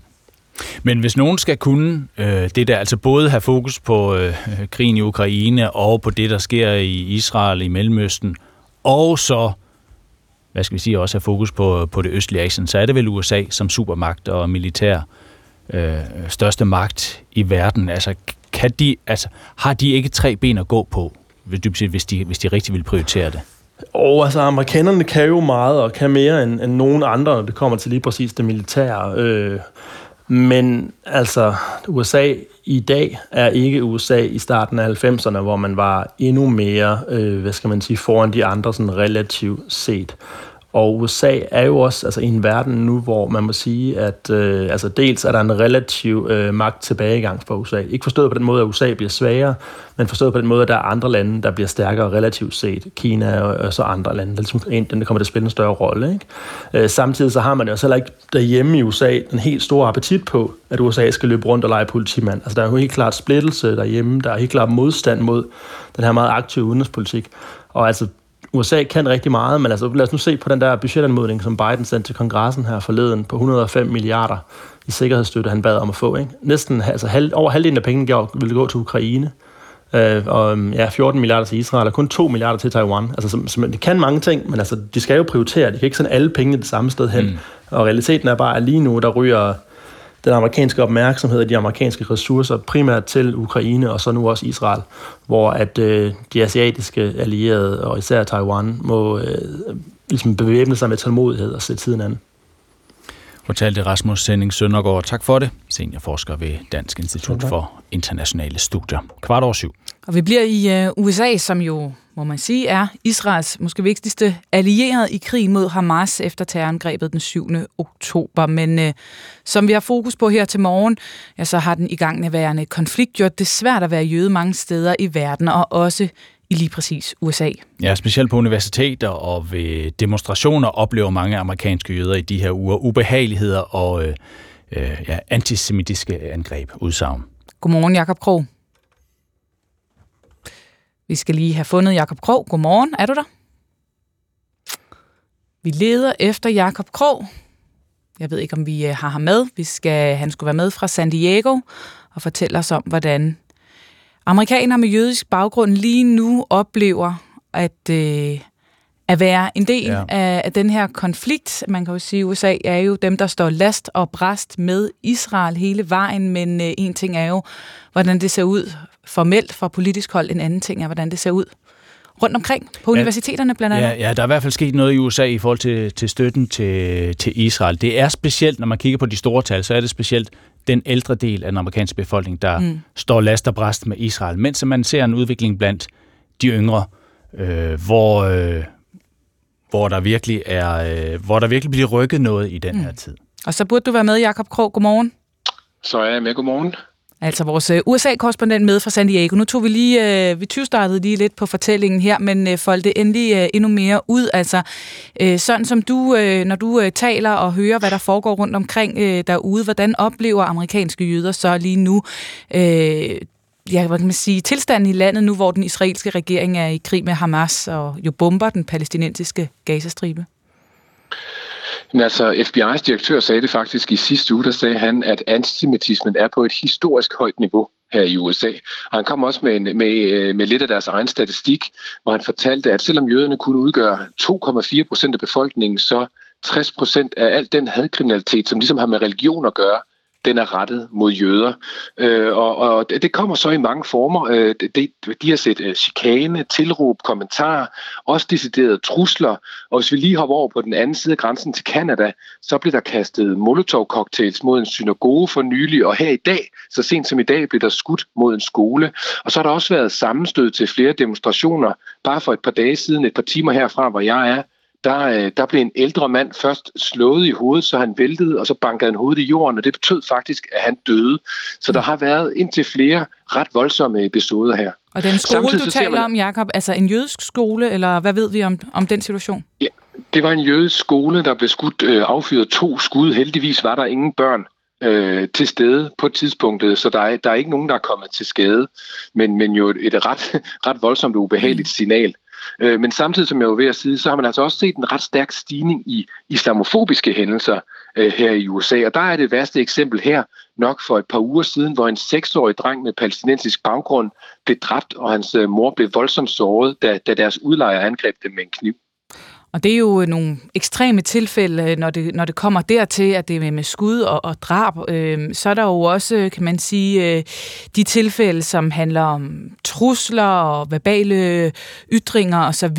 Øh, kan du sige noget om, i hvilke miljøer? Fordi nu talte vi lige om, inden vi tag, havde der på her, om, at der kan være en generationsforskel, øh, måske på, hvor den ældre del af befolkningen står, og den yngre del af befolkningen står. Men i hvilke miljøer ser man tydeligst de her eksempler på antisemitisme og anti-islamofobi i, øh, i USA lige nu? Ja, men det, men det er jo faktisk et meget godt eksempel, I kom på derfor. Hvis jeg må gribe fat i, i den statistik, så, så viser en undersøgelse for nylig nemlig, at, at generelt så folk over 35 her, de støtter øh, de støtter Israel, og jo ældre du er, jo, jo, jo stærkere er støtten. Mens de unge, hvis du ser på de unge mellem 18 og 24, så er der altså et lille flertal på 52 procent, som faktisk er imod det, som, som Israel foretager sig lige nu. Og derfor der er der også her i medierne et stort fokus på særligt universiteterne, øh, hvor der er, har været en ret kraftig stigning i både antisemitiske og islamofobiske øh, situationer. Og der har der altså været flere situationer på, øh, flere eksempler på jødiske studerende, der har følt sig utrygge, som har følt sig truet og chikaneret. Øh, der er nogle tilfælde, hvor de jødiske studerende har følt sig så truet, at de har måttet skjule sig for en demonstration og måtte hentes ud af, af vagter. Øh, der har også været sammenstød, og, og i sidste uge, der måtte et universitet undervise al aflys, eller undervise al, undskyld, Aflyse al undervisning. Aflyse al undervisning, jeg prøver igen, tak.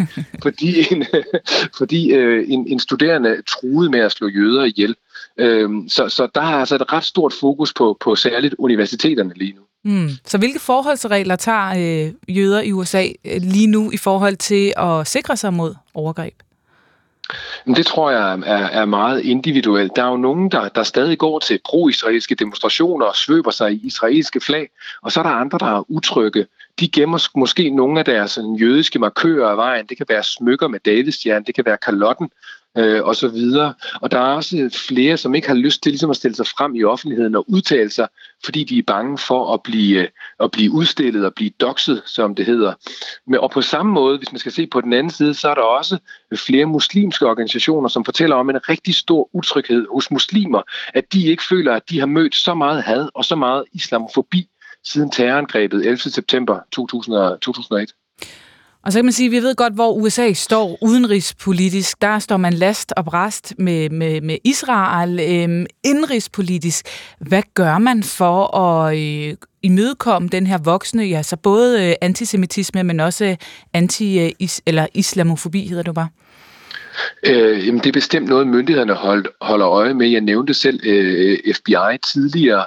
Øh, Biden han har også krævet, at, at, at universiteterne her, de får stoppet den her stigning i antisemitisme og islamofobi, at de får stoppet de hændelser, som finder sted på, på universiteterne lige nu her. Og så er det, som jeg sagde, noget, der fylder utrolig meget i medierne, og også hos politikerne.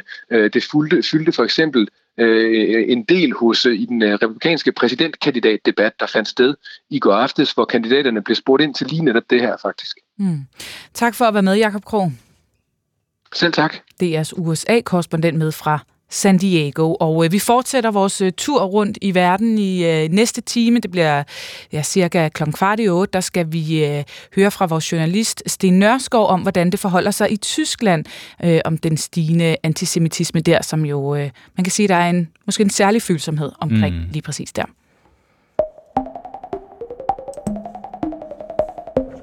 Greenpeace har gennem årene kastet sig ud i mange aktioner og mange protester. Tidligere på året gjorde de det for eksempel ved at, at bore en Shell-platform, der havde kurs mod Nordsøen. Aktionen varede 13 dage og foregik sådan alt i alt fredeligt. Men nu hiver Shell Greenpeace i retten. Shell vil have en erstatning på 60 millioner kroner og et påbud om, at Greenpeace aldrig må protestere mod dem igen. Ja.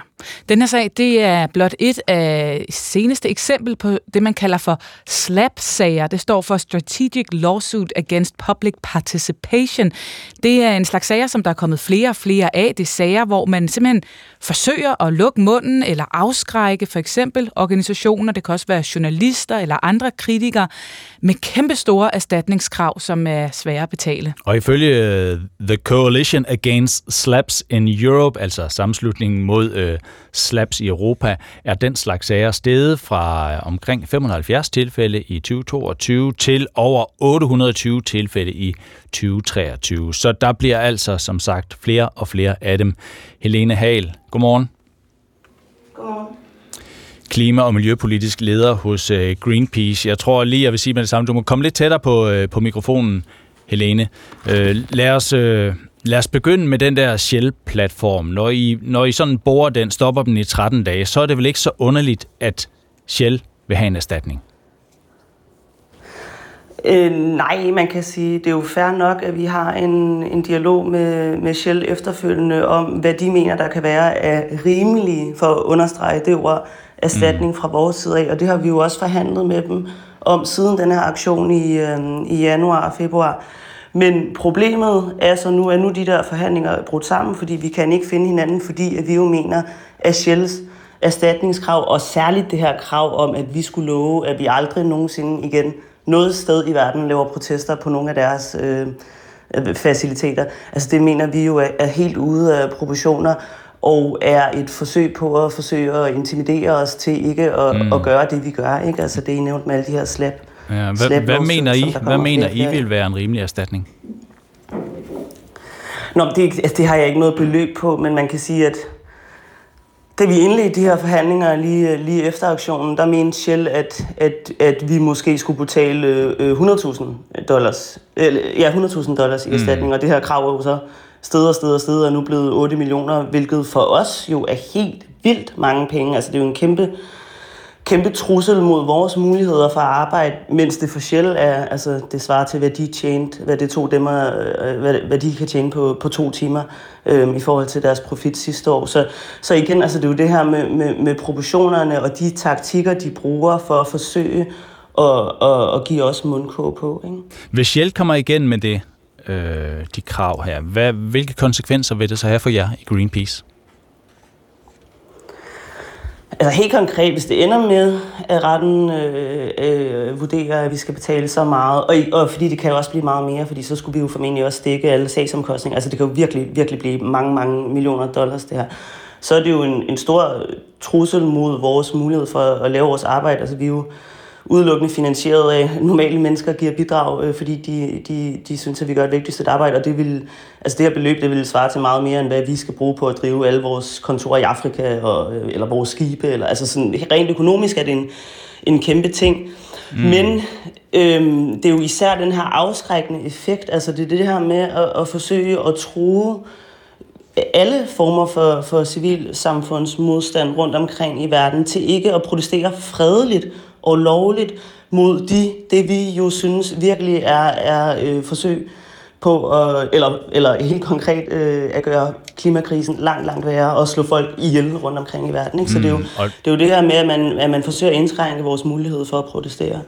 Men I bruger jo selv juridiske værktøjer. Altså fra Greenpeace side. Altså ja. senest har I sammen med en række andre organisationer sendt en klage til EU om, at de mener, at den danske regering svigter havmiljøet. Øh, tidligere har Greenpeace også sagsøgt den norske regering for arktiske olieboringer. Altså, I bruger selv jura og domstole i jeres kamp, og det gør jeres modpart så ja. også. Ja, jamen det, det kan jeg godt forstå, og, og altså man kan sige, på sin vis er det jo også, det er jo fair nok, at, at de så vælger at gå rettens gang også. Altså hvis de ligesom også synes, at, at vi ikke øh, vil mødes med dem i de her forhandlinger, der så har været, så må det jo være, altså det er jo så udfaldet. Det er jo så sådan, det er. Øh, så er det så bare det her med proportionerne i, i hvad de kræver, vi synes er, er urimeligt. Men rettens vej er jo et, øh, det, er jo, det er jo der, vi er nu i 2023 i klimakampen. Altså, jeg synes, at der er en væsentlig forskel i forhold til, at vi gør det jo altid som absolut sidste instans, altså efter at vi har forsøgt at gøre alt, hvad vi kan politisk og øh, i forhold til den offentlige debat. Altså for os er det jo sådan, okay, nu kan vi ikke komme videre, og så bruger vi jo retten i den forstand, at vi bruger menneskerettighederne, og vi bruger Paris-aftalen, og vi bruger klimaloven. Altså vi bruger alle de love, der nu er rundt omkring i verden, for at beskytte folk mod klimakrisen, for at forsøge at stoppe altså de her destruktive virksomheder, som jo er ved at smadre vores planet. Så jeg synes, der er forskel på at bruge juraen som et redskab til at forsøge at sikre en øh, beboelig øh, øh, planet for os alle sammen, og så at gå rettens vej for at forsøge at få nogle kritiske stemmer til at, øh, mm. at, at være stille. Ikke? Vil, men, men, men, men ja. igen, altså helt fair, altså nu er der de redskaber, og dem, dem bruger vi så alle sammen. Ja, og jeg vil bare lige kaste ind her, at Shell skriver til os, at øh, øh, retten til at protestere er fundamental, og at de øh, respekterer den, men at det skal ske sikkert og inden for lovens rammer. Så det er det, de ligesom kommer med i forhold til det der med, øh, altså om I har ret til at, at, at protestere. Det er i hvert fald deres, øh, mm. deres udlægning af den. Ja. Øh, ja. Ja. Virker det? Altså nu siger Shell øh, 60 millioner, det var kroner, ikke også? Jo. Øh, 60 millioner kroner, og, og, og, og I skal holde jer fra at protestere på den måde, I har gjort her i fremtiden. Virker det? Altså, når I derhen, så nu, hvor I så må lægge jeres metoder om? Nej, aldrig nogensinde. Aldrig nogensinde.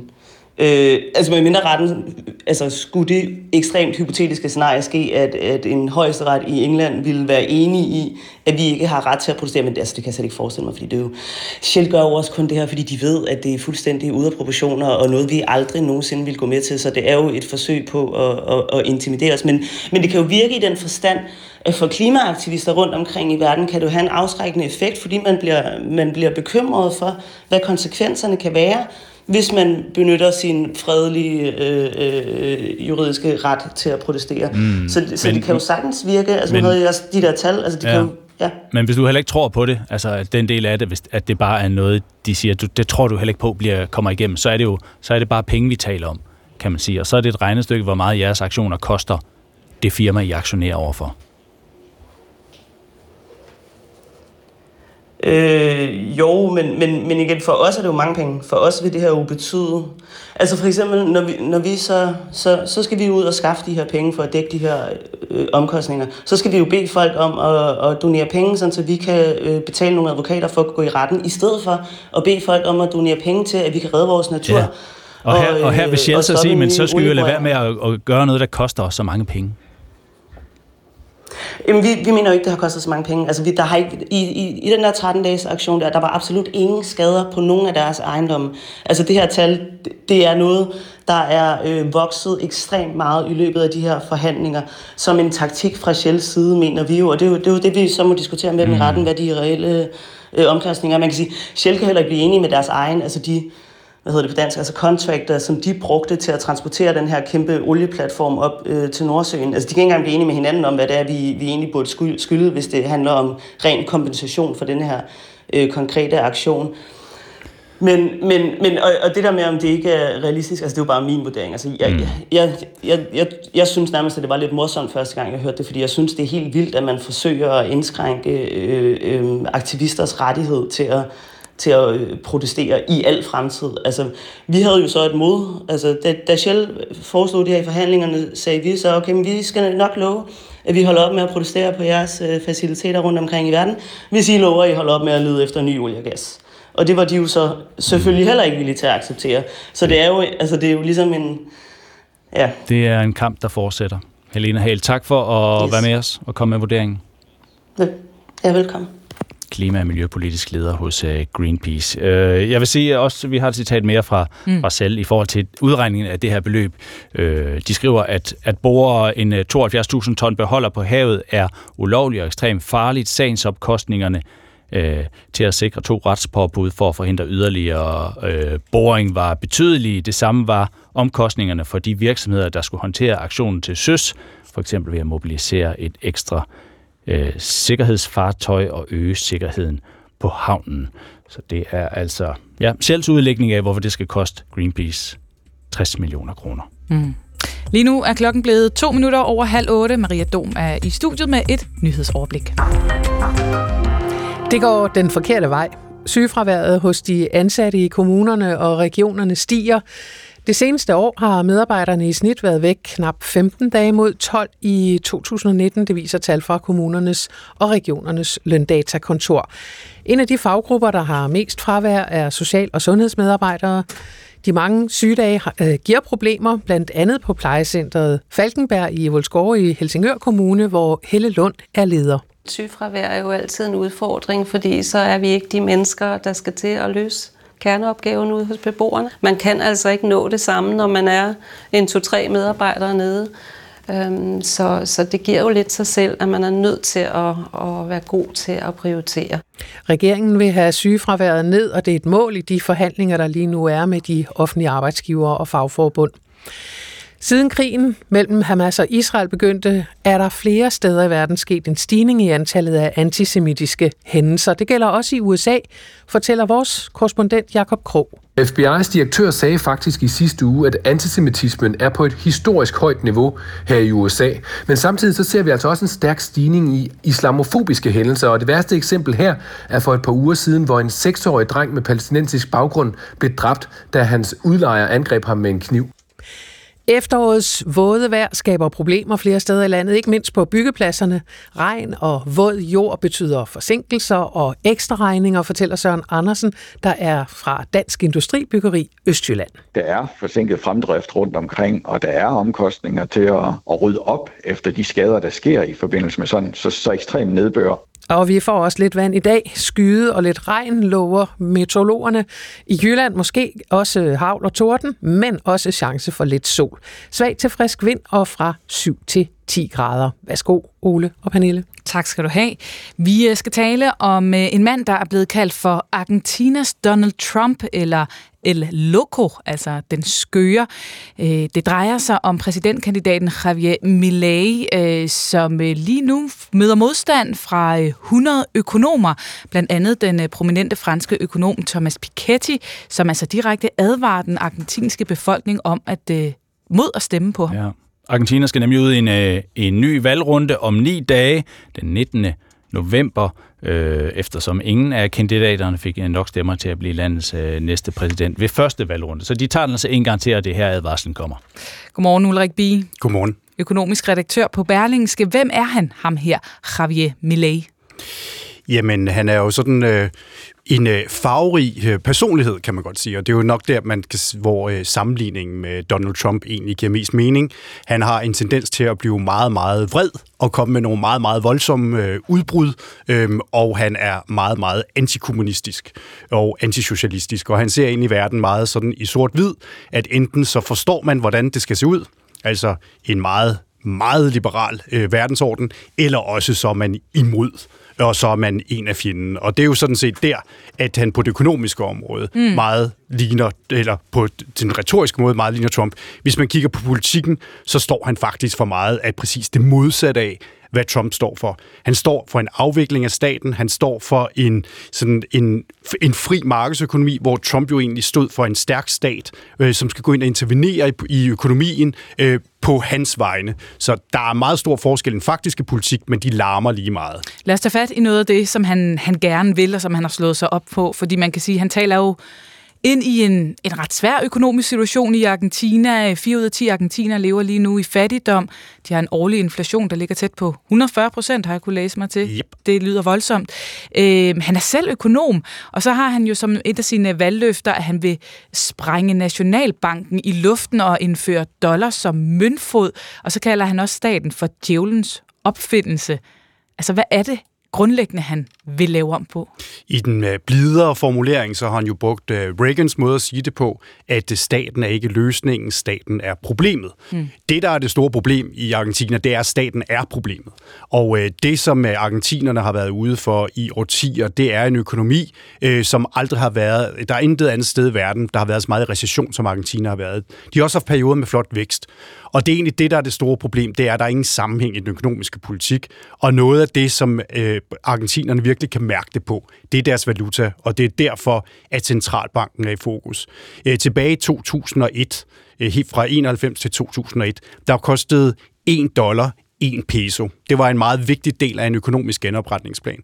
På det sorte marked nu, der koster 1 dollar 1000 peso. Og det vil sige, at pesoen har fuldstændig mistet sin værdi.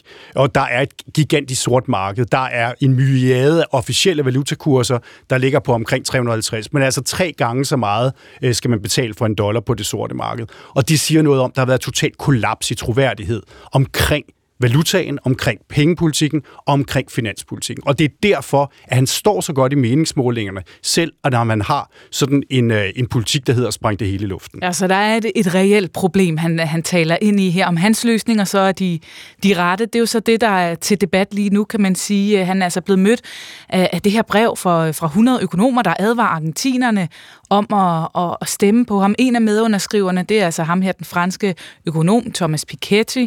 Han er en, man er man måske kender fra det her meget roste værk Kapitalen, der handler om kapitalisme, ulighed og demokrati.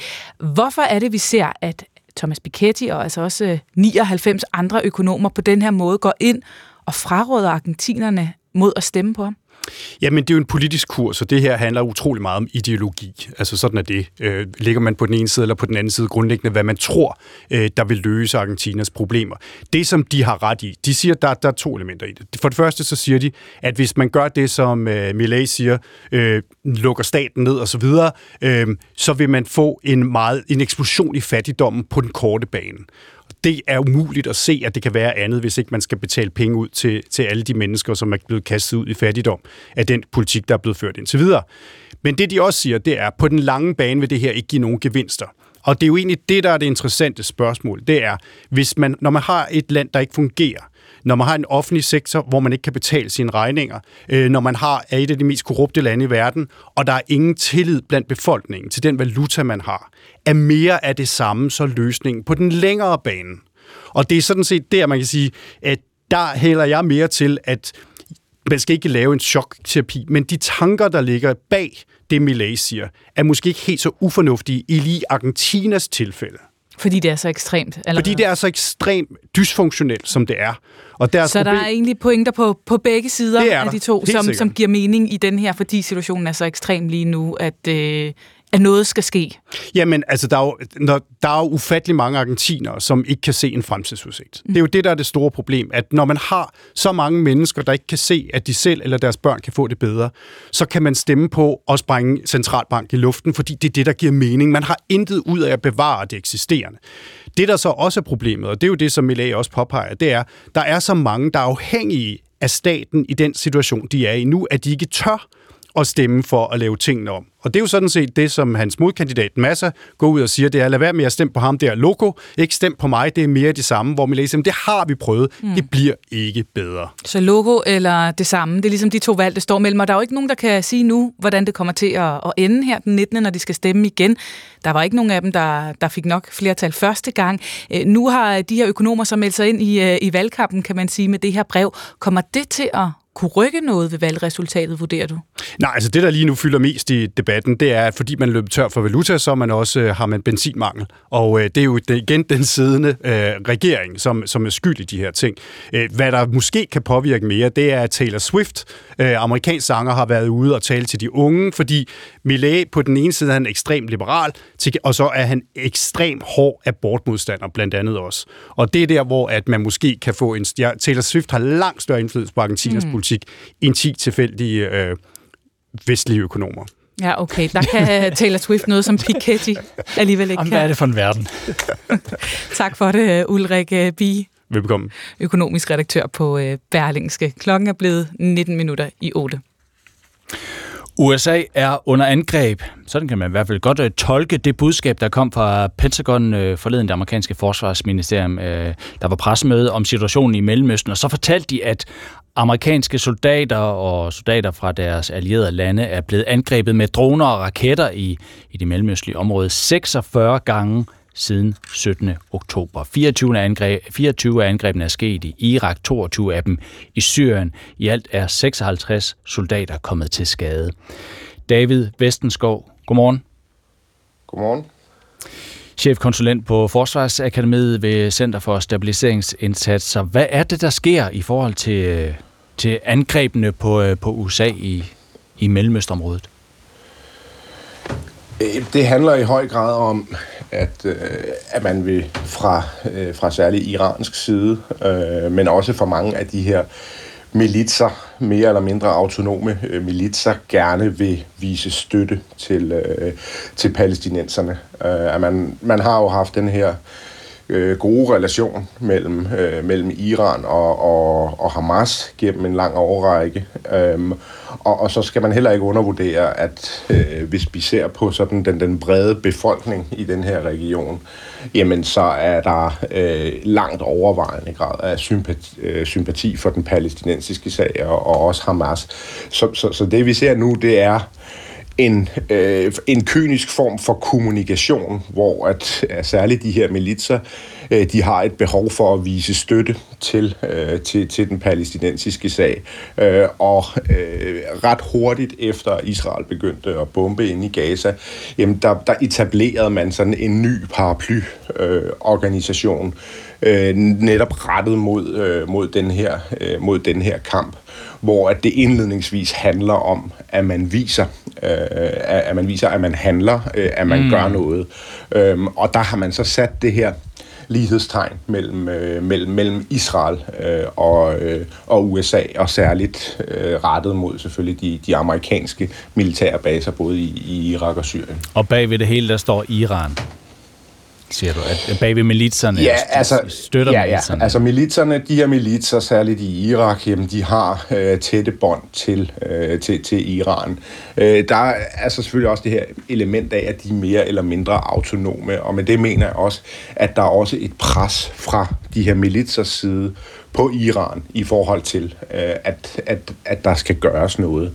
Øhm, det her, det er sådan set ikke et helt nyt fænomen, at de her militser går ind og, og laver de her, jeg vil stadig kalde det symbolske angreb på, på, på de her øh, amerikanske militærbaser. Sådan var det også for, for, for nogle år siden, øh, og det er jo netop fordi, at, at man fra, fra Irans side ikke ønsker en, øh, en, en større amerikansk militær tilstedeværelse i regionen. Så man kan sige, man har ligesom skruet op øh, for, for, for det her blus, men, men der er både pres, hvad kan man sige, oppefra og nedefra. Der er også et, et stor, en stor virkelyst fra, fra mange af de her øh, militser helt ned på, på, på de laveste niveauer. Mm, men der er vel også en grænse for, hvor meget USA kan tolerere i forhold til, hvornår, der, hvornår de ja. føler trang til at svare igen? Det, det er der helt sikkert, øh, og, og det, der er interessant, det er, at det her har næsten kørt en måned før, øh, før, før at, øh, at, at det rammer en eller anden officiel udtalelse. Og det har selvfølgelig noget at gøre med, at den her grænse, øh, den, den, er, den er ligesom blevet hævet, eller den, den er blevet hævet. Øh, fra amerikansk side, der var man jo godt klar over, at, øh, at når Israel begyndte øh, at, at, at angribe ind, ind, ind i Gaza, at så ville der komme det her pres i regionen. Det er også derfor, at man fra amerikansk side prøvede at skubbe den her øh, israelske offensiv så langt som muligt, fordi at man, man gerne ville have nogle militære installationer i plads, eller på plads i regionen, så man var klar til at, til, til at svare. Øh, men fra amerikansk side, der er man også interesseret i, at det her ikke eskalerer øh, mere end aller, aller højst nødvendigt. Og det er også derfor, man ikke har kommunikeret det ud før. Og så hvis man også ser på angrebene, det kan lyde voldsomt med, med, med det her antal, øh, men der er stadig ikke nogen, øh, nogen døde øh, amerikanske mm. soldater. Øh, så, så, så der er sådan en eller anden, øh, en eller anden forståelse mellem amerikanerne og, øh, og, og, og de her militser i forhold til, at det her det er en, en kynisk form for kommunikation, hvor at, at, at militserne, jo det kan godt være, at de, de, øh, de, de målretter deres angreb mod amerikanske baser, men det vi også ser, det er, at den her paraplyorganisation, jamen den smider pressemeddelelser ud på de sociale medier, lige så snart den, de, de, de har udført et angreb, og det handler i høj grad også om intern kommunikation, altså at vise, mm. øh, at man gør noget. Og der har jo også, nu, nu sagde jeg, at øh, USA kan blive nødt til at, at svare igen. De, de har jo også svaret igen. I, i går fortalte Pentagon, at, at, der, at USA havde bombet mål i det østlige Syrien som de ja. mener kan være brugt til, til de her angreb. Så det er, det er sådan en, når det gør I, jamen så gør vi sådan, og så må vi se, hvad der sker efter det. Ja, ja, det er det. Altså, det er, det er den her kyniske øh, kommunikation, og det, det er også derfor, der er selvfølgelig grænser. Det er klart, hvis vi lige pludselig begynder at se døde amerikanske soldater, jamen så, så, er der, så der vil der være nødt til at være et kraftigere svar fra, mm. øh, fra, fra amerikansk side. Øhm, så, så, så, og, og det er jo netop også derfor, at de, de skulle have de her militære kapaciteter på plads i, øh, i, i regionen. Fordi hvis det bliver den her langvarige øh, krig, jamen, så det, øh, i, inde i Gaza, eller langvarig konflikt, jamen, så er de også godt klar over, at så vil der komme yderligere pres på, på, de her, øh, på, på den amerikanske øh, tilstedeværelse øh, i, i, i regionen. Tak for det, David Vestenskov. Selv tak. Chefkonsulent på Forsvarsakademiet ved Center for Stabiliseringsindsatser. Så er det klokken 13 minutter i 8.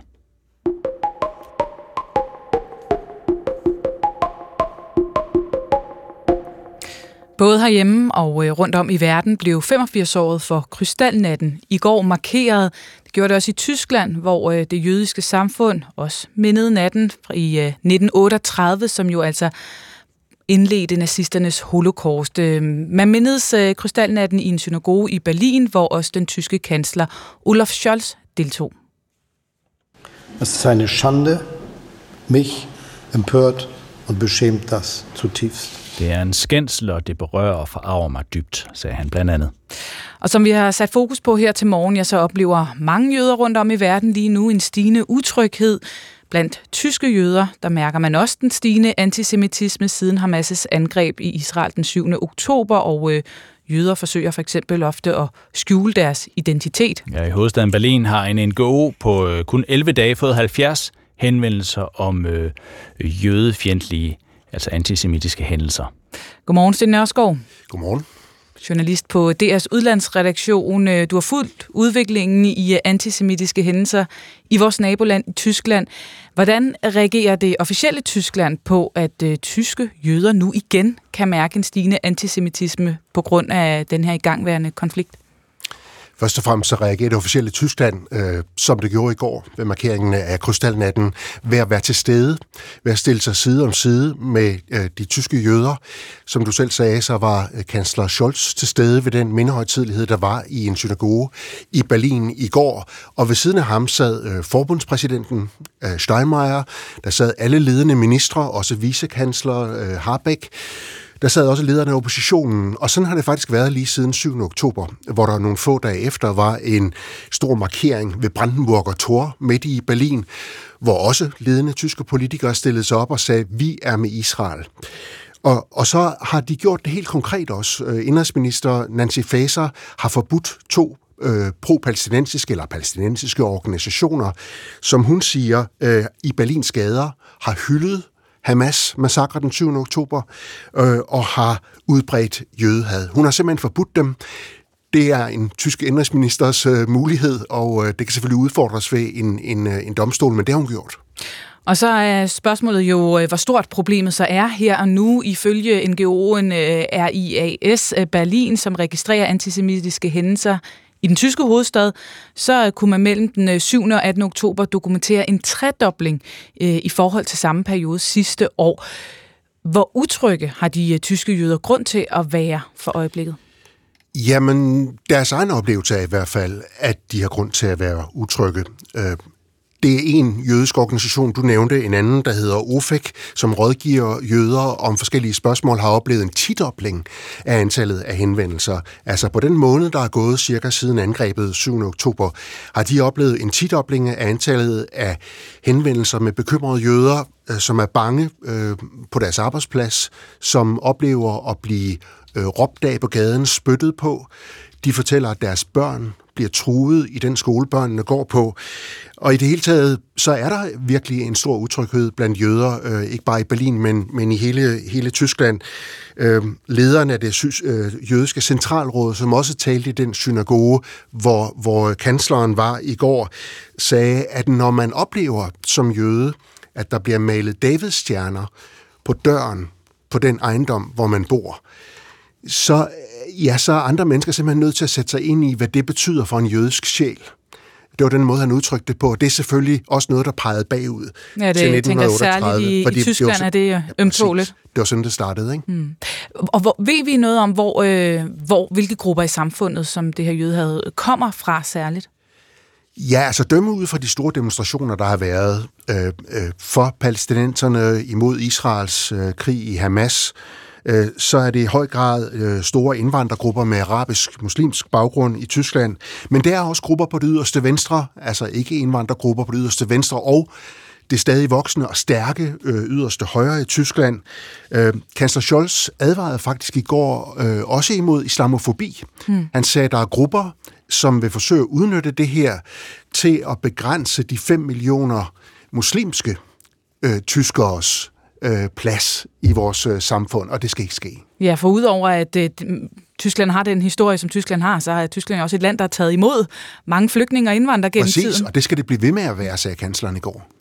Øhm, da den tyske kansler, øh, Olaf Scholz, han talte ved mindehøjtiden i Krystalnatten øh, i synagogen, der sagde han, øh, ud over nogle af de ting, du nævnte her, sagde han også sådan her. wenn Brandsätze auf die Synagoge hier in der Brunnenstraße geworfen werden, 85 Jahre nach den Pogromen von 1938. Dann gerät in der Tat etwas aus den Fugen. Når der bliver kastet brandbomber mod synagogen her i Brundenstrasse 85 år efter pogromerne i 1938, så er der faktisk noget, der er gået galt, herr Schuster.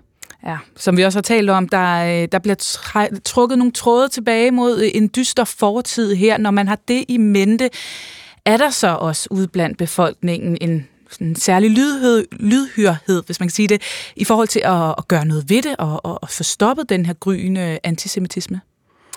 Der er ikke tvivl om, at langt de fleste tyskere er, med, er her med det officielle Tyskland. Altså langt de fleste tyskere deler den bekymring øh, og synes, det er fuldstændig øh, uantageligt, altså, at, øh, at, at jødiske øh, tyskere skal udsættes øh, for det her. Og der er en bevidsthed, øh, som de tyske politikere hele tiden udtrykker. Robert Habeck, især vicekansleren fra de, partiet De Grønne, har gjort det meget stærkt et par gange i de seneste uger. Han har sagt, at, øh, at det at støtte Israel i den her situation, det er faktisk tysk statsræson.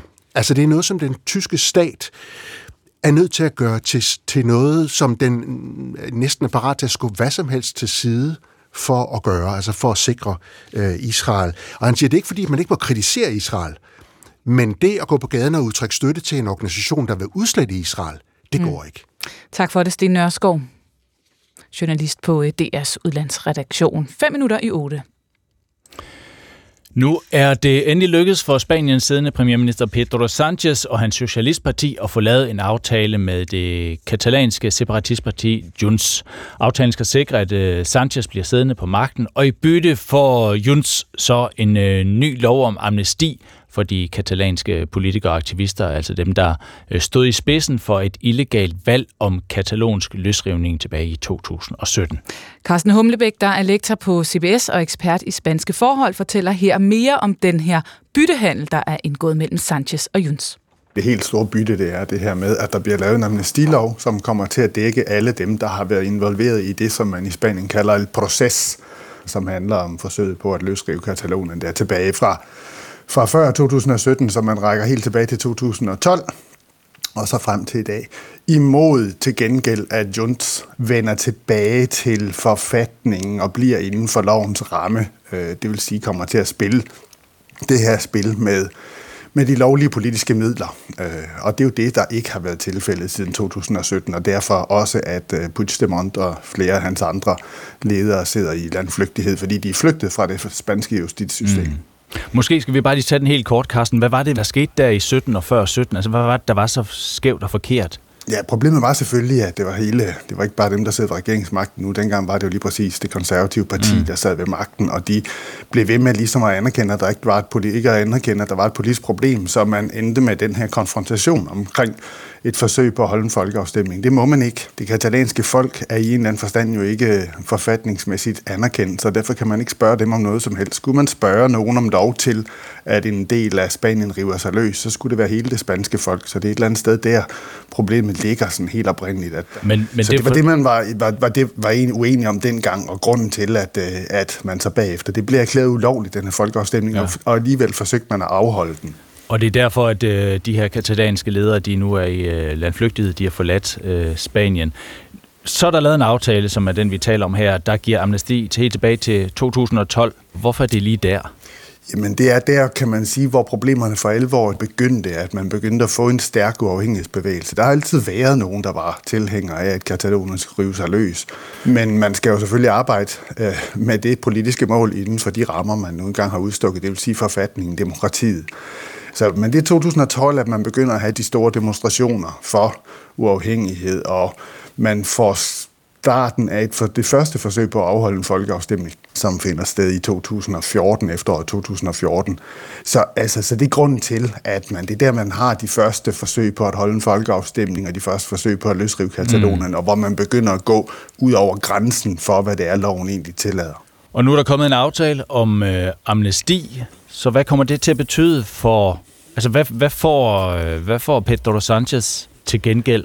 Ja, altså nu kender vi ikke, den kender vi ikke endnu, fordi den skal sådan set lige præcis igennem. Den skal lige, øh, altså nu kommer der til at køre et spil her med at, at blive færdig med at aftale det her, fordi det er jo ikke kun Junts, som, øh, som Sanchez har behov for at samarbejde med.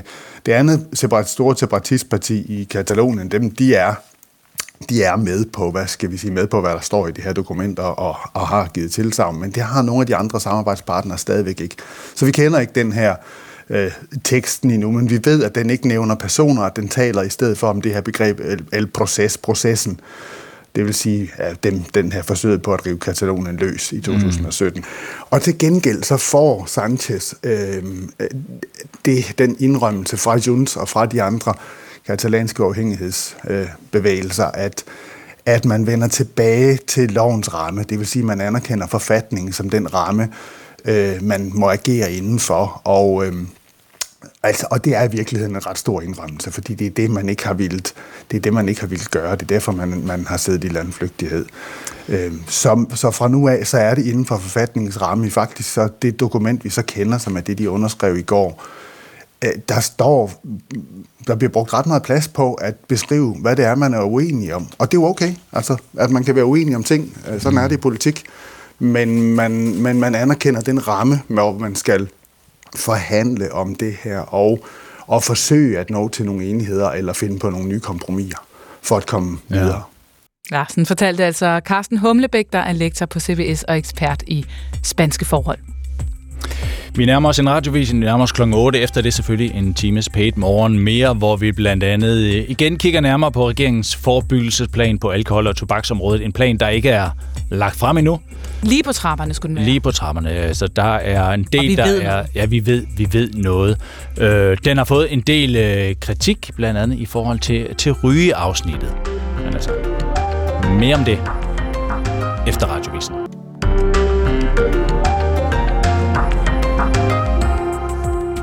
Godmorgen igen. Klokken er 5 minutter over 8. Det her det er stadig P1 Morgen. Vi sender frem til klokken 9. I studiet også de næste 55 minutter, Pernille Rudbæk og Ole Brink. Det øh, skal efter al sandsynlighed være lidt dyrere at snuse nikotinprodukter. Til gengæld bliver det nok ikke øh, så meget dyrere at ryge smøger. Det er noget af det, som øh, er kommet frem i den forebyggelsesplan, som regeringen skulle have på trapperne øh, meget, meget snart. Den er ikke helt klar endnu, mm. men øh, klar nok til, at øh, i hvert fald nogle partier allerede har vendt tommelfinger nedad og sagt, det gider vi ikke det her. Enhedslisten, radikale. Lige præcis. Vi øh, skal tale med øh, den radikale sundheds- og forebyggelsesordfører Stinus Lindgren for at høre, hvad der er så galt med de forebyggelsesplaner, som øh, regeringen og de andre partier er på vej med inden øh, så ganske længe. Det gør vi om øh, cirka 10 minutter tid. Ja. Det er blevet fredag, sådan en fredag, hvor vi også lige tager smut forbi to gamle nisser, der spiller musik. Det du ved... Øh, Whoop, uh-huh. Whoop,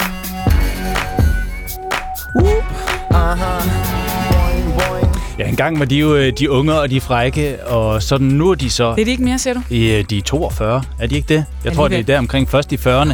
Men, øh, men de er der jo stadigvæk. De øh, fylder Royal Arena, kæmpestor Royal Arena, fire gange sådan lige her i en, øh, en trist november måned. Kæmpe store, da jeg gik i gymnasiet, men hvad er det så, der gør, at øh, de åbenbart stadig kan et eller andet? Der er trods alt øh, løbet lidt vand under broen siden, så øh, Ja, det skal vi have fundet ud af. vi tager et smut forbi Nick og Jay lidt senere. Fra både øh, rød og blå side af Folketinget har der de seneste år været en klar ambition om, at der skal være færre rygere i Danmark, men øh, ifølge et internt notat fra Skatteministeriet, ja, så kan regeringens forebyggelsesplan, som øh, vi forventer bliver præsenteret ganske snart, det kan blive i dag eller i næste uge, Ja, ifølge det her notat, så kan det øh, føre til ikke færre ryger, men øh, måske faktisk øh, flere ryger. Det skriver Jyllandsposten, som har set notatet. Årsagen er, at regeringen lægger op til en prisstigning på 12 kroner på nikotinposer, mens prisen på cigaretter bliver holdt i ro, og dermed kan øh, prisen på poserne øh, overstige prisen på en pakke cigaretter. Og det vil ifølge regeringens egne beregninger kunne betyde, at flere vil vælge smøgerne i stedet for de tobaksfrie øh, øh, frie, øh, nikotinposer. Og øh, ja, det vil kunne øh, skabe indtægter på øh, 25 millioner kroner fra fra det der ekstra salg, der kommer på cigaretterne. Godmorgen, Camilla Ratje. Godmorgen. Formand for Lægeforeningen. Øh, Hvis vi lige kigger på, på de her nikotinposer, så må vi jo konstatere, at der er et forbrug de seneste par år, der er jo nærmest eksploderet blandt unge. Så er det ikke i udgangspunktet rigtig godt, at prisen nu bliver skruet i vejret på de her nikotinposer? Det er fantastisk. Og i virkeligheden så sagde vi jo præcis det, da man lavede handlingsplanen for børn og unges forbrug af tobak i 2020, hvor der står en lille passus om, at man på sigt skal kigge på nikotinprodukterne, fordi vi allerede der var bekymrede for nikotinforbruget. At øh, det er jo nu, vi så endelig skal gøre noget for øh, nikotinprodukterne, og vi har jo faktisk længe sagt, sidestil nu nikotin og tobak, lav nu de samme regler, lav nu de samme priser, så vi kan undgå, at børn og unge øh, bare skifter smøren ud med nikotin, som jo også er skadeligt. Så øh, vi er glade for det her vi synes bare, det ser rigtig tudetosset ud, at når man så øh, sidder og laver sådan en plan, så sidder man også lige og beregner på, om øh, man i, i øvrigt kommer til at tjene penge, øh, hvis der nu øh, laver sådan et, et glid i forbrugsmønstre. Mm, men det her med, øh, at man nu sidestiller, øh, at det bliver lige så dyrt at bruge øh, nikotinprodukter som at købe cigaretter, det er faktisk en god idé, synes jeg.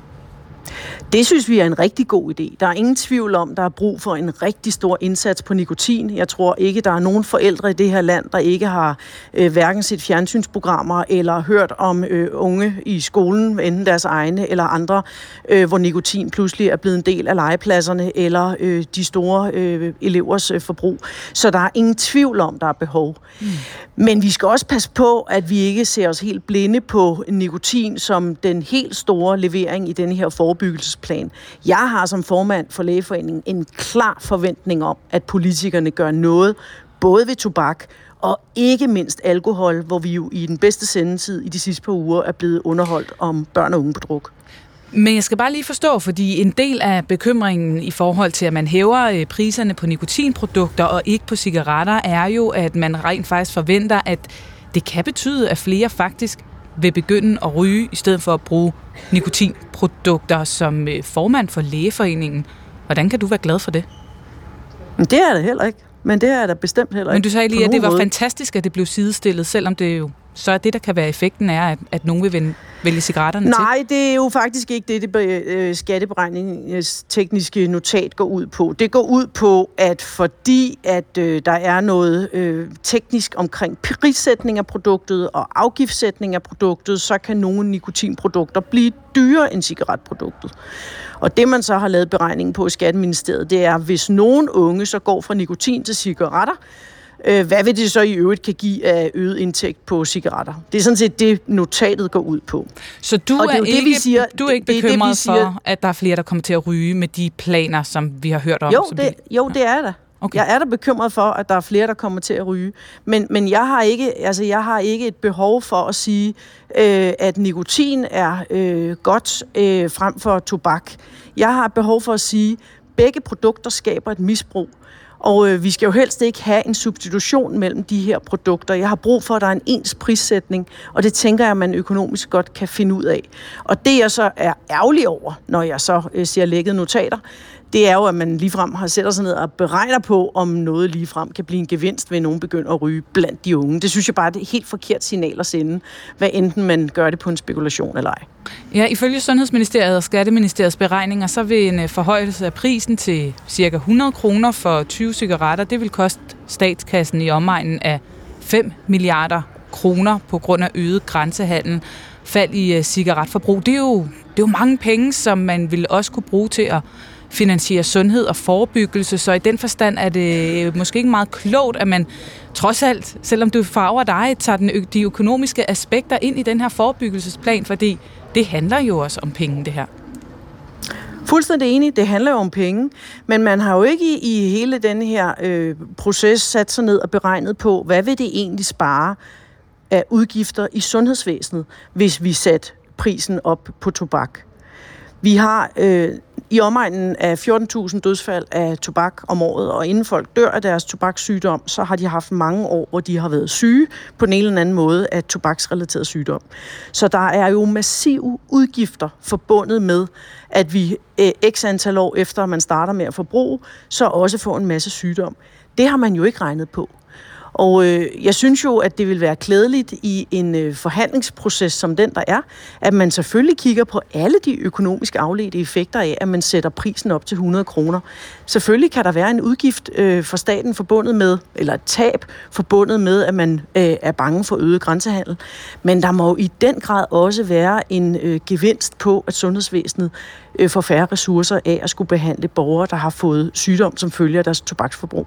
Og det synes jeg mangler i debatten. Men alt andet lige, det mangler, men det vil stadig, øh, for bare lige at vende tilbage med et spørgsmål, fair nok, at man også øh, tager de andre udgifter med i betragtning. Altså, at det kan komme til at koste noget, som så er færre penge, vi har til forebyggelse potentielt. Jo, men vi er jo en del af en øh, helt stor regnmaskine her. Det er jo en politisk prioritering, hvad man helt generelt vil bruge penge på. Også om man vil bruge penge på skattelettelser og forsvar og klima og børn og velfærd og hvad vi ellers vil bruge penge på i vores samfund. Og jeg synes, vi har et meget, meget stort potentiale. Især når vi nu siger, at den nye valuta i Danmark er arbejdskraft, så har vi virkelig et stort potentiale for at holde befolkningen sund. Det er selvfølgelig godt for den enkelte, men det er jo også godt for vores øh, samlede arbejdskraft, at vi ikke skal til at øh, være syge af sygdomme, vi er med til at skabe selv. Og det synes jeg også, man skal have med i en betragtning her. Både når vi snakker tobak, men også når vi snakker alkohol.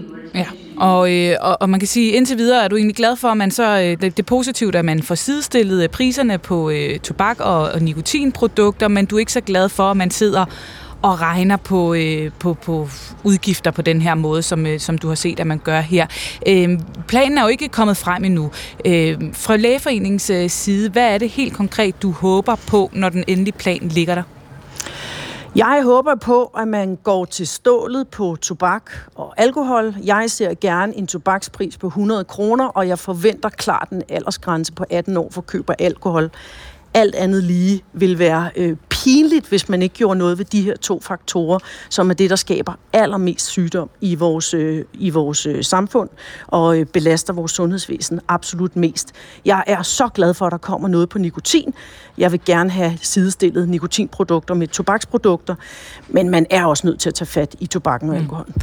Så fik du sendt et sidste budskab ind til slutforhandlingerne inde på Christiansborg. Tak for at være med, øh, Camilla Ratje. Selv tak. Formand for Lægeforeningen. Øh, sundhedsminister Sofie Løde, hun øh, har ikke haft lyst til at stille op til interview om forebyggelsesplanen, før den bliver præsenteret, men øh, hun siger til Jyllandsposten angående de her afledte effekter ved nikotinposer, at øh, de i nogle tilfælde kan blive dyre end cigaretter, så siger hun, når man skruer på en afgift et sted, så kan det ikke fuldstændig afvises, at det kan få afledte konsekvenser, men det er meget vigtigt at understrege, at der er tale om en beregningsteknisk antagelse, og at skønnet er forbundet med en betydelig usikkerhed. Ja, altså kritik fra Lægeforeningen på den her forebyggelsesplan, der ikke er lagt endelig frem endnu. Der har også været, øh, øh, hvad skal vi sige, øh, politisk uenighed om, om øh, i forhandlingerne, kan vi vel kalde det, Liberal Alliance er trådt ud. I går forlod Enhedslisten og de radikale så også forhandlingerne om øh, en ny forebyggelsesplan. Stinus Lindgren, sundheds- og forebyggelsesordfører hos de radikale. Godmorgen. Godmorgen. Nu er I har sættet med i de her forhandlinger i ugevis. Hvorfor, hvorfor endte du alligevel med at gå? Altså jeg har ja, siddet med fra start af og været i dialog med ministeren indtil, ja det er så i forgårs aften, altså dagen før vi mm. skulle have lukket aftalen i går. Øh, fordi jeg har nogle ambitioner omkring forebyggelse, som jeg ikke kunne se afspejlet i den aftale, der lå.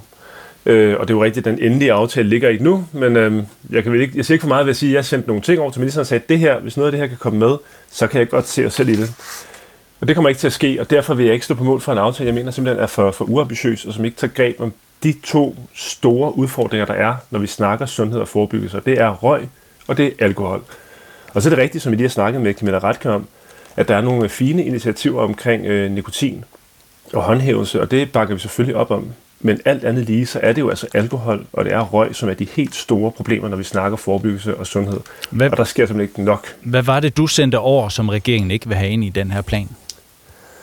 Jamen altså noget af det, vi fra Radikale Venstre side har sagt i ja, al den tid, jeg har været forebyggelsesordfører, det har været, at øh, den eneste måde at løse det problem, vi har i forhold til den drukkultur, vi har, den usunde drukkultur, vi har blandt især øh, unge, det er at hæve aldersgrænsen til 18 år for alt salg af alkohol. Og det, det er jo ikke bare noget, jeg har fundet på. Det er jo det, alle eksperter siger. Det er det, alle erfaringer fra andre lande siger virker. Det er det, vores egen sundhedsstyrelse siger øh, vil virke. Så jeg synes, det er helt oplagt, at det er sådan et greb, der skal til.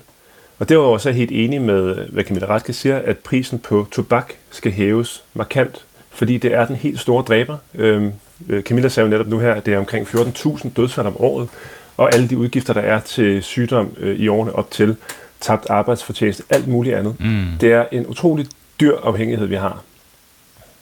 I forhold til alkoholen, så øh, sådan som mm. planen ligger nu, det vi hører i hvert fald, det er, at, at, øh, at det bliver en del af den her forebyggelsesplan, at der kun må sælges alkohol med procenter på op til 5,6 til unge under 18 år. Så der sker en stramning. Er det ikke bedre at gå, hvad skal vi sige, et skridt i den rigtige retning, end Det mener jeg faktisk ikke, det er. Øhm, og om det er 5 eller 6 eller 7 procent, man, man måtte ende på, så er det den forkerte løsning på problemet. Det er ikke en løsning på problemet. Og når jeg siger det, så er det fordi, vi kan se i tallene, hvad er det, de unge, som jo vi her taler om, drikker, når de laver det her. Altså, det, det handler jo ikke om, om en eller anden forbudskultur, det handler om at få en sund alkoholkultur. Og vi kan se, at når der er den her usunde drukkultur, så er det primært øl og cider og alkoholsodavand, altså alle sammen produkter, som det så stadigvæk vil være lovligt at købe. Og det vil sige, at man anerkender problemet, men man løser det ikke, fordi man laver en, en pseudoløsning, som overhovedet ikke rammer der, hvor problemet ligger. Og det har jeg problematiseret fra første møde, hvor jeg sagde, at 18 år, det er den eneste reelle løsning. Hvis man vil kigge på procenter, så skal det meget længere ned. Så skal vi ned og sige, jamen, så skal det være 2,5 procent. Fordi så vil det batte noget. Det her, det løser ikke problemet. Men... Og tværtimod, så er det med til at blåstemple det, fordi det viser jo et eller andet sted, jamen det er okay at drikke fuld, så længe det er i de her produkter, men alkohol er alkohol, uanset hvad det er, du drikker det i. Måske kigger regeringen bare ud i virkeligheden mm. og siger, at øh, der er virkelig mange, der drikker øh, blandt de unge. Øh, vi, kan Mhm. ikke, vi kan ikke, hvad skal vi sige, vi kan ikke lukke hanen nu, men vi kan godt, vi kan godt skrue ned for det og tage et skridt i, de, i den retning, som vi alle sammen mener er rigtig. Og det er det, vi gør med det her, Jamen, men, men det vil I ikke være med til. Nej, fordi det er, jeg mener ikke, det er et skridt i den rigtige retning. Øh, og når jeg siger det, så er det ikke bare noget, jeg har fundet på, så er det jo fordi, vi kan se, hvad alle eksperter siger, og vi kan se, hvad alle lande, altså vi er jo et, et unikum i verden, når det kommer til alkoholkultur og til aldersgrænser. Og det glemmer man lidt. Det er ikke, det er ikke normalen, at, at øh, unge kan drikke og drikker så meget, som de gør herhjemme. Og vi ved, at aldersgrænser virker. Øh, det handler ikke om, at vi skal forbyde, at vi forventer, at så er der ingen under 18, der drikker. Det er slet ikke det, der er målet. Målet er, at debutalderen bliver hævet, og at antallet af helt unge, der har drukket sig fulde inden for den sidste måned, og som laver det her binge drinking, altså hvor man drikker virkelig, virkelig meget på en aften, at det antal bliver hårdt reduceret. Det er det, der er formålet. Mm. Det er det, der vil være en sundhedsmæssig konsekvens Men, i. men hvis I laver, er hvis man, det her ikke vil løse det. Hvis man laver et forbud øh, for salg af alkohol til alle under 18 år, Mhm. så er målet vel, at øh, alle under 18 år ikke skal drikke alkohol. Det... Ja, det er klart det sundhedsmæssigt bedste, men det vil også være naivt at tro, at der er ingen under 18, der vil drikke, hvis man laver en aldersgrænse på 18 år. I dag er det jo også sådan, skal man huske. Det er jo ikke forbudt at drikke, som du er under aldersgrænsen. Du må bare ikke selv købe det. Så hvis dine forældre mm. synes, at det er helt fint, at du drikker en øl, eller hvad det nu må være til konfirmationen, så er det fint. Det er lovligt. Det handler bare om, hvem er det, der har ansvaret for det. Og der er jo så mange andre områder, hvor vi siger, at det her, det er forældrenes ansvar, det er ikke børnene selv. Og det her, det er et helt oplagt område, hvor det er forældrenes ansvar. Så er der tobaks- og, og nikotinpose-diskussionen. Ja. Der vil man hæve, øh, altså i forhold til nikotinposerne, øh, de skal hæves med 12 kroner per pakke, indføre et, salg mod, øh, et forbud mod salg af tobaks- og nikotinprodukter i sportshaller, svømmehaller, diskoteker og bare ligesom man vil gøre det ulovligt for unge under 18 år. Øh, ja, det er alkoholdelen, øh, bum, den streger jeg lige der, mm. men, men tobaksdelen i hvert fald. Hvad er det, hvad er det, I ikke mener? I, hvorfor er det, I ikke vil bakke op om det ved at være med i aftalen? Fordi det synes du vel også som udgangspunkt er fornuftigt, at man hæver prisen på, på nikotinposerne. Mhm. Ja, men som jeg startede med at sige, der er fine elementer i den her aftale.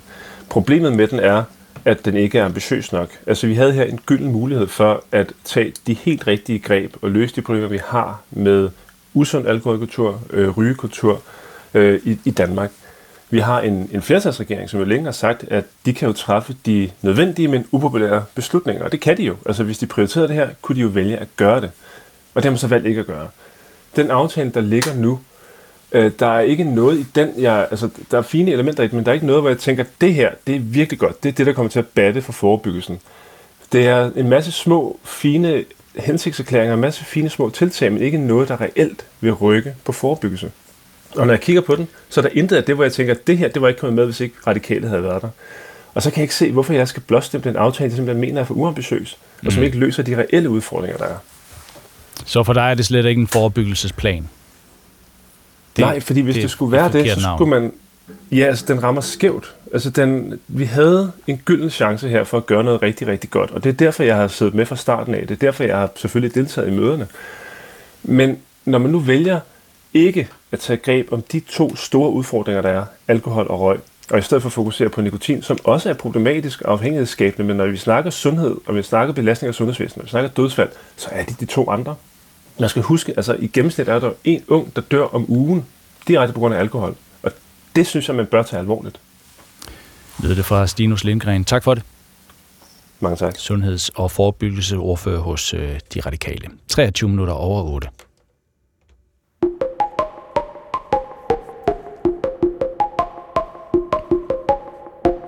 Som vi har fortalt her til morgen, ja, så oplever jøder mange steder i verden lige nu en øget utryghed. Vi har været i Frankrig, vi har været i USA, vi har været i Tyskland. Nu vender vi os øh, så mod Israel, verdens øh, eneste jødiske stat. For øh, hvordan påvirker det egentlig i Israel, som jo altså lige nu som bekendt er i krig mod Hamas efter terrorangrebet den 7. oktober, det her med, at konflikten øh, har spredt sig til jødiske samfund i hele verden. Godmorgen, Steffen Kratz. Godmorgen. DR's internationale korrespondent med fra øh, Jerusalem. Øh, hvordan, ja, det spørgsmål kan jeg egentlig bare stille videre til dig. Altså, hvordan påvirker det den israelske opinion af jøder verden over melder om, at man føler sig utrygge, at der er en stigende antisemitisme rundt omkring på grund af den her øh, konflikt, der lige nu finder sted i, øh, i Gaza? Det er noget, man kan læse om i aviserne hernede og se i medierne hver eneste dag. Altså nu sidder jeg og kigger på Jerusalem Post for eksempel. I dag her, hvor der er en historie om, at øh, har, har råbt antisemitiske skældsord efter en øh, jødisk øh, student, og det får så plads på forsiden, men det er selvfølgelig nede i et hjørne, fordi krigen øh, mod Hamas fylder langt det meste, og det er jo set herfra. Israel det ultimative udtryk for antisemitisme, at der er en militant bevægelse lige op ad grænsen til Israel, som ønsker mm. at udrydde den, den jødiske stat. Så det fylder absolut allermest. Men i hjørnerne af, af dækningen i de israelske medier kan man finde de her forskellige historier rundt omkring for verden om, at øh, antisemitismen bluser op, og det er selvfølgelig noget, der, der vækker uro og bekymring. Ja, nu var der lille, et lille udfald på linjen, Steffen Kratz. Altså, kan du komme med nogle eksempler på, hvad de israelske medier skriver om den stigende antisemitisme i øh, for eksempel Europa? Ja, nu, nu, nu ved jeg jo så ikke, hvad du hørte øh, helt præcist, men altså, jeg nævnte et eksempel fra Canada, som var omtalt i Jerusalem Post. Øh, forleden øh, øh var der omtale af et angreb i Tyskland. Øh, men øh, hvis vi skulle tage og, ud, øh, hvad skal vi sige, antisemitiske strømninger i udlandet, så det, der fylder mest i israelske medier, er, hvad der sker i USA. Af gode grunde, fordi USA jo garanterer Israels sikkerhed og leverer øh, masser af våben til den her krig. Så øh, altså, holdningerne i USA er absolut det, der bekymrer øh, mm. israelerne mest. Og der er jo en strømning blandt unge amerikanere, som medierne i Israel øh, skriver om, hvor øh, pro-palæstinensiske synspunkter er fremtrædende. Der er dele af det demokratiske parti, altså Joe Bidens parti, som er utilfreds med hans, en, hvad, som de ser som hans en, øh, ensidige støtte til Israel. Øh, og de er selvfølgelig øh, utilfredse med, med, at det for, er med til at forårsage de her meget store civile dødsoffer og tab i Gaza. Så det, der bekymrer mest øh, blandt israeler, er nok strømningerne i USA, fordi USA er så fremtrædende i øh, israelernes be- bevidsthed som det land, der garanterer nationens overlevelse. Mm, og er det noget, man, man taler om blandt israelere og, og jøder, at øh, den her konflikt simpelthen har, har affødt de her reaktioner i ja, så både i Europa, men også i, i USA, hvor jøder altså nu øh, i stigende grad føler sig utrygge? Altså, det, det, det er jo muligt, det er noget, der, der er en del af samtalen hen over spisbordene rundt omkring, men ja, hvis man kigger ud øh, i medielandskabet, og, og også alle de folk, jeg møder, så det, der jo optager israelerne 100%, det er krigen i Gaza. Og det er den her fornemmelse af, at deres land er ikke bare under belejring, men under angreb. Og der tænker de på øh, terrorangrebet, som rystede nationen den 7. oktober. Og at den her kamp som foregår nu, er en overlevelseskamp.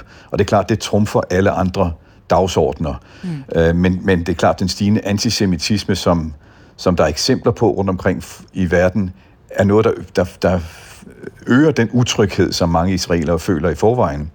Fordi angrebet den 7. oktober jo rystede dem ind i deres inderste, fordi den følelse af sikkerhed, mange israelere levede med, at de kunne godt være omgivet af fjender, men de var en nation med den stærkeste her og den bedste efterretningstjeneste og øh, de største murer og så videre, så, så de kunne godt leve her, selvom de var omgivet af fjender. Den øh, tryghed er jo øh, gået i stykker, øh, og nu lever øh, israelerne med en fornemmelse af, at hvis ikke de vinder den her krig, så der er, er fremtiden for deres land simpelthen usikker. Og selvfølgelig i det lys, der kan man sige, hvad der sker i Europa og USA, det, det er sådan lidt længere ude i periferien, men det er klart, det er noget, man er altid opmærksom på mm. i Israel. Det er, hvordan ser Israels venner og fjender på, både på, på landet, men også på jøder i det hele taget. Tak for det, Steffen Kratz. Selv tak. DR's international korrespondent med fra Jerusalem.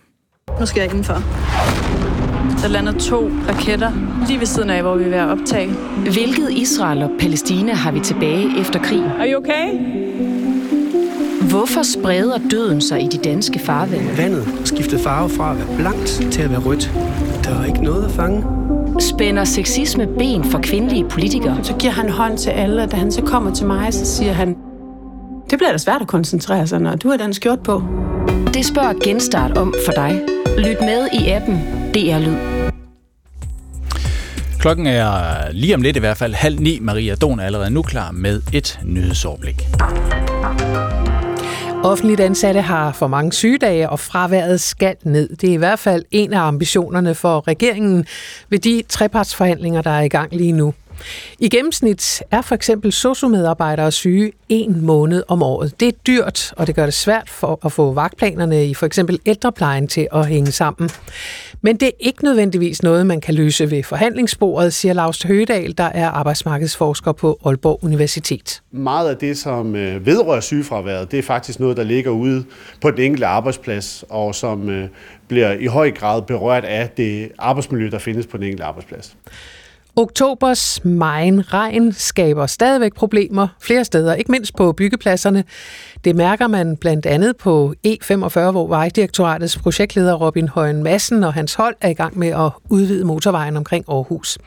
De var egentlig i gang med at støbe fundament til udvidelsen, da skybruddet ramte, og siden da har arbejdet stået stille. Dels kan håndværkerne nok slet ikke gå derude, men det er også at holde de, hvor de skal være i tørre, til de kan være derude og få grejt, øh, altså få ting derude. Det er jo det, der er udfordringen. Og han håber, at vandstanden falder inden for de næste par uger, så de kan komme videre med arbejdet, inden frosten sætter ind.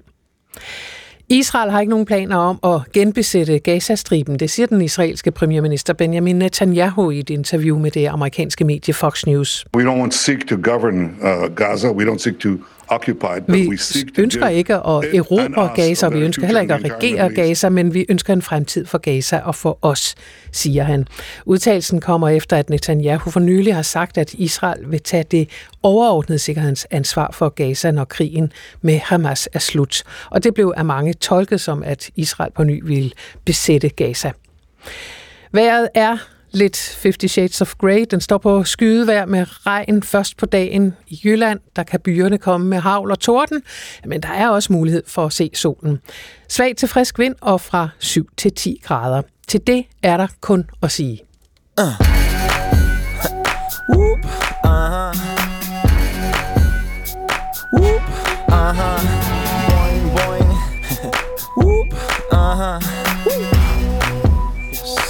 Okay. Kabusi blowing Okay, Pernille, dengang i nullerne, hvor du gik, øh, der gik du på gymnasium, ikke? Det gjorde jeg. Ja. Når det her, det kom på. Så var det op på podiet. Hvad skete der så? Ja, men du kan jo se det for dig. Så, øh, så, var, der, så, var, der, så var der tæt på dansegulvet. Ja, det virker jo. Det virker. Det gør det. Det, det, er, svært, det er svært at lade være. Ja. Nick og Jay, Boing Boing, et af de helt store nuller hit, øh, de er der jo stadig, og det er derfor, vi øh, skal smutte forbi dem nu. Nick og Jay. I aften spiller de den første af fire udsolgte koncerter i Royal Arena i København. Og det vil altså sige fire gange, hvad, plus 10.000 mennesker, det er meget pænt. der har købt billetter. Mm. Ja. De øh, blev kendt som Nick og Jay. De hedder Jannik Thomsen og Niklas Petersen. De øh, startede med at øve hjemme i en kælder i Værløse. Og så øh, kender vi jo historien. De formåede at skabe hit på hit på hit. Måske blev de øh, en af de største danske popsucceser i 10'erne lige frem. Ja, deromkring. Pelle Peter Jensel, DJ Radiovært på B3. Godmorgen. Mm. Godmorgen, godmorgen, godmorgen. Når de spiller koncert i dag, ja. de her halvgamle nisser fra Værløse, ja. hvad er de 42, først i 40'erne, et eller andet sted deromkring, ikke? Altså Nick og Jay er evigt unge, lad os lige slå det fast. ja, det kan godt være, de har ikke nogen alder. Det er ligesom Helmi og Anne Linnet, evigt unge mennesker. Der er, det, du kan slet ikke, altså det der sygesikringsbevis, det findes ikke for dem. Er der gang i den? Er du sindssyg? Altså, øh, nu taler vi jo om 10'erne og 0'erne og sådan noget. Ja. Nick og Jay har aldrig været større. Altså, når Nick og Jay træder på en scene i dag på en festival, så er, står alle mennesker foran den scene. Nick og Jay sange, Øh, selvom de er over 10 og 20 år gamle, de, øh, de, de numre, I spiller her, øh, streamer jo mere end sang, der kommer ud i dag. Altså, de er gigantiske. Hvis du tager ind på et, et, øh, et gymnasie i dag, så vil, når du sætter det her nummer på, så vil øh, gulvet også blive fyldt op. Det, det, det er jo det, der er ret vildt med Nick og Jay. De er, det kan godt være, at de er blevet ældre, men de er jo ældet med ynde, og de er på en eller anden måde evigt unge, evigt aktuelle, fordi de øh, også er fulgt med tiden.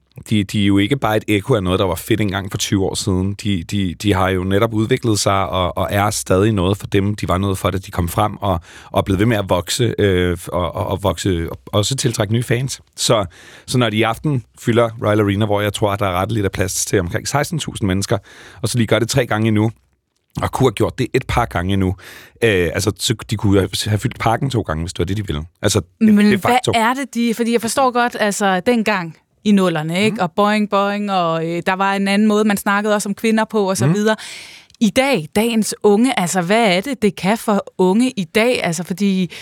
Er det, er det sådan kitsch? Er det nostalgi? Eller hvad, hvad er det? Nick og Jay var jo faktisk, apropos det med kvinder, øh, rigtig gode til ikke at tale kvinder ned. De talte jo kvinder op. Du er for lækker. Altså, de, de, de, i, netop i en rap-genre, hvor det hele skulle være meget hårdt, kom Nick og Jay og begyndte at synge. De tilføjede melodi til en meget hård genre. Øhm, øh, så kom de, de kom jo også ind i en tid, hvor at du skulle helst øh, stå og være lidt ked af det i en skovmandskjorte at spille guitar, øh, og meget gerne på engelsk, øh, for at være cool og sej og, og, og en rigtig musikant. Øh, og der gjorde Nick og Jay det decideret modsatte. Øh, de, det var på dansk, det var absolut ikke rockmusik, selvom de øh, tidligere havde spillet et rockband. Øh, og så, så brød de jo alle jantelovens øh, regler, øh, og, og det tror jeg var super tiltrængt, øh, da, da de kom frem. Men det er jo en vigtig pointe øh, i fortællingen om Nick og Jay, at de har lavet mange andre sange end Boeing. De, mm. Da de kom frem, var de omkring 20 og 21 der har man det jo temmelig Boeing-agtigt. øh, og øh, så udviklede de sig jo øh, sammen med både samfundet og dem selv. Altså, da de kommer frem, er, er vi jo også i et øh, økonomisk fremstød, som er fuldstændig vanvittigt, og alt er bare fedt og fuld fart, og købe flasker og champagne og hey ho. Øh, da finanskrisen øh, kommer, så rammer den også og der er de også lige blevet 7 år ældre, så, så, så de ændrer jo også øh, den måde at skrive på, og skrive om nogle andre ting, end at stå på klubben til 5 om morgenen, fordi de jo lever et andet liv. Og det tror jeg i sandhed er fortællingen om, at Nick og Jay fylder Royal Arena fire mm. gange i træk. Det er jo, at de ikke bare var nogen, der engang sang Boeing. De er jo nogle mennesker, der har skrevet sange om, om livet hele vejen igennem, også de, de følgende 20 år, og hvordan det lige pludselig har været at blive forældre, at mm. finde ud af, at måske ja måske findes der andre ting i livet, end at, end at uh, jeg, sige upti upti. Jeg kan jo huske, at de kom frem, så tænkte jeg, det er satire. Mm. På et eller andet tidspunkt, så siger de, ej, det var for sjov. Ja. Øh, men det gjorde de ikke. Fordi, men det er fordi, det var så langt væk fra det, vi ellers så ja. i de år der. Ikke? Det var meget forfriskt. Ja, øh, men som du siger, der er sket noget med årene. Der er, der er ting, der ændrer sig. Uh, yeah. Hvad sker der? Yeah. Mit liv er crazy daisy. Californication Baby, baby, det er guddommeligt Hey man. Jeg zigzagger mellem mennesker Forklædt som normal. Gak, gak i nat. Nat er gal, ærligt talt. Den sille salat, der bryder mine skuldre. Glimter i solen, gør mig lige det cooler Tynger mig på samme tid ned Så jeg må smide mine lænker. Kærlighed før business, kunst før mennesker. Jeg taler før jeg tænker, og det sover mine nærmeste. De ved det siger mig ikke det fjerneste, hvis ikke det er det ærligste. For her er folk så travlt, men det skulle utroligt. Stille og roligt, man stille og roligt. Smid tasken om ja, Der er et stykke fra Boing Boing, og så hen til, hen til solnedgangen her, ikke? Ja, det er lidt andet temperament. Ja, vi tager lige en mere. Mm.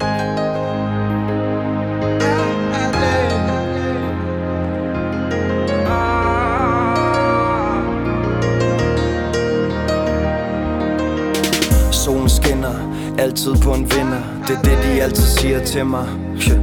Men jeg mere end det. Hvem er jeg så? Og hvad er det livet ved mig? Se mig. Helt hand solo i en dimmer. Ingen bitches bag mig. Min stemme laver penge, og pengene stemmer. Jeg rydder op af mit shit, står tidligt op Kald mig skraldemand. Så kan jeg haters sige godmorgen til min lange mand. Sort klund, stor kun, sort som vidtighed Forstederne født mig, det skinner igennem. Du ved, mit flow må være sendt for oven. For jeg er så fresh, og nogen tror jeg født i går Men jeg må være født i morgen. Rockstar, motherfucker, globetrotter. Men jeg glemmer aldrig, hvorfra jeg kommer. Og jeg har hørt, at cirka 85 procent Og svært ikke at synge med for dig også, kan jeg se, Pelle Peter. Ja, men det er fordi, der er episke linjer jo. Ja, Det og er er jo- det det, altså hvis vi skal prøve at kode det ned til, hvad det er, der gør, at øh, de har kunne tage den her rejse fra nullerne og så til at fylde Royal Arena øh, gentagende gange De i begiver øh, sig i hvert fald og i en... kommende uge. Ja, de, de, de begår sig i en genre, hvor at du jo skal kunne skrive. Altså, rap er jo øh, en teksttung genre. Så hvis du, det, du skriver, er øh, ligegyldigt, eller ikke vækker et eller andet i nogen, enten øh, aggressioner, som Nick og Jay helt sikkert har vagt i mange, eller øh, glæde, eller overraskelse, eller øh, noget, noget mere vemodigt, øh, jamen så er det jo ligegyldigt. Og Nick og Jay kan i den grad skrive, men de kan skrive som Nick og Jay. Altså, de, de, de kan ikke skrive som... Man er ikke i tvivl om, at det er dem, der Nej, nej, nej, og det er for nogle øh, forfærdeligt, og for andre helt fantastisk. Øh, men det er jo kun Nick og Jay, der kan skrive en dag tilbage. Det er kun Nick og Jay, der, der tænker, boing, det kan man godt sige på en sang. Øh, og, og, og det, jo- det, ja, så det er noget af det, der gør dem, der gør, at de fylder øh, Royal Arena fire gange i træk, og kunne have gjort det et par gange endnu sikkert. Øhm, men det er jo også fordi, at Nick og Jay kontinuerligt har lavet de sange, som, som på en eller anden måde har fylder noget i vores liv, om om vi så øh, frivilligt har sat dem på, eller har hørt dem i radioen, så vil jeg, som for eksempel ikke var vildt begejstret for dem, da de kom frem, jeg kan jo ikke... Altså, min, min hjerne eksploderer i minder, når nogen sætter hot på, eller en dag Mm. tilbage. Øh, så det er jo også fordi, de har været soundtracket til et liv for danskerne. Og, og så når du træder ind i Royal Arena i aften, så er det jo også bare en buffet af minder, for hver gang de sætter en sang på, så vil der komme nogen så vil det jo være sådan en, en, et, et vandfald af dopamin, der bare skyller ud over øh, hjernebarken, fordi at det, det, det, de har sat lyd til, til danskerne de sidste over 20 år. Øh, og det er en af grundene til, at de fylder Royal Arena. Skal du selv med? Øh, på næste lørdag er der pasning af børn, og øh, ja, så der sker ind og... Så eksploderer dopaminen. Er du sindssyg? God fornøjelse. Tak.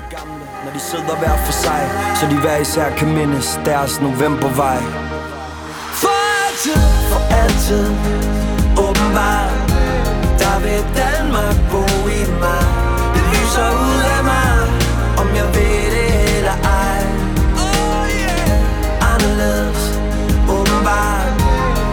stadig efter svar. Hvor går man hen, når man er fra novembervej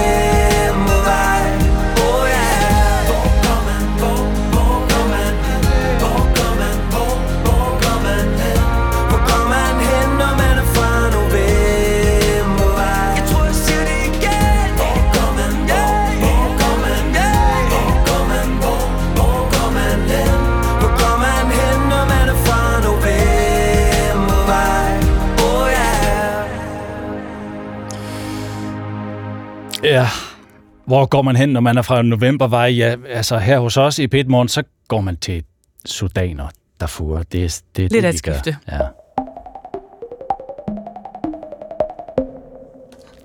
For lidt over et halvt år siden tog krigen i Sudan i det nordøstlige Afrika fart mellem øh, to rivaliserende generaler. Siden er millioner ifølge FN's organisation for migration drevet på flugt i landet.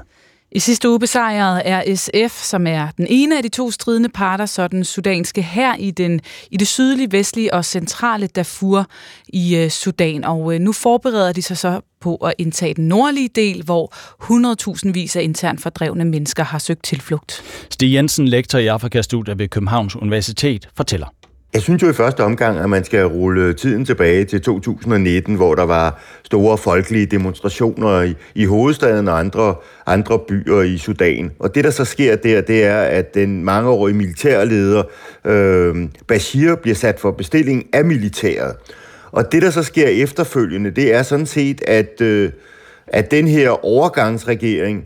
Øh, den er i konflikt med andre grupper i landet, og især en anden stor militærgruppe, som hedder Rapid Support Force, Øhm, og, og der udspiller sig så en, en borgerkrig, som så er blevet intensiveret gennem det, det seneste halve år. Og det er ligesom det, vi ser nu, at den her borgerkrig, hvor vi især ser, at der er fremmars fra det her Rapid Support Force, øh, gør, at vi har en hæftig konflikt, som FN i deres nyeste rapport kalder den utænkelige konflikt i den her verden af brand, så er det simpelthen den mest hæftige øh, humanitære konflikt i verden netop nu.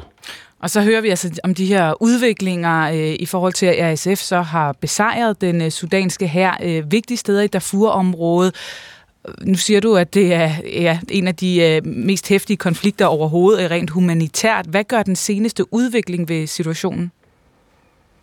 Jamen, den gør det sådan set bare meget værre. Man kan jo sådan set sige, at det, man kunne kalde det statslige arkitektur er under total nedbrydning på grund af, at der er den her konflikt, og det sætter jo millioner af mennesker øh, på flugt, og og, og millioner er internt fordrevet i det her kæmpestore land, Sudan. Men det, man også skal tænke på, det er, at en del flygtninge, de flygter også til nabolandene Chad og, og Sydsudan, som i forvejen er meget, meget skrøbelige stater, så det har en hæftig destabiliserende effekt i hele regionen, den her konflikt. Hmm. Og så er der også meldinger om øh, etnisk motiveret vold i Darfur-regionen i Sudan. FN oplyste i september, at øh, organisationen har modtaget meldinger om, at der findes mindst 13 massegrave i området. Øhm, kan vi sige noget om, hvem det er, der bliver dræbt og, og fordrevet, og altså hvad den her etniske motiverede vold Ja, altså for det øh, første, så tror jeg, det er vigtigt at sige, at den her etniske øh, konflikt, som der er der, den går jo 20 år tilbage. Der har jo været forskellige grupper i Darfur-regionen, som har bekæmpet hinanden over, over 20 år, og man har jo allerede tilbage, øh, mere end 10 år siden, sagt, at der er, der er et folkemord, øh, der foregår i den her region her.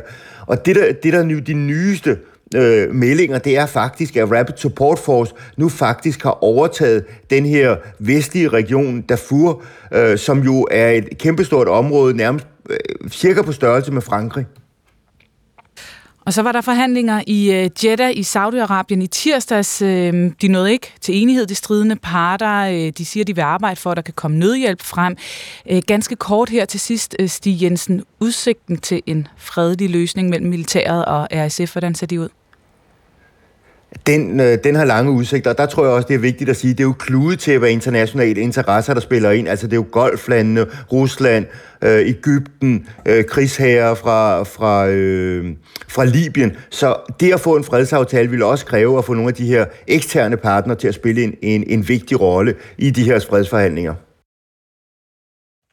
Lød det altså øh, fra Stig Jensen, der er lektor i Afrikastudier ved Københavns Universitet. Klokken er blevet kvart i ni.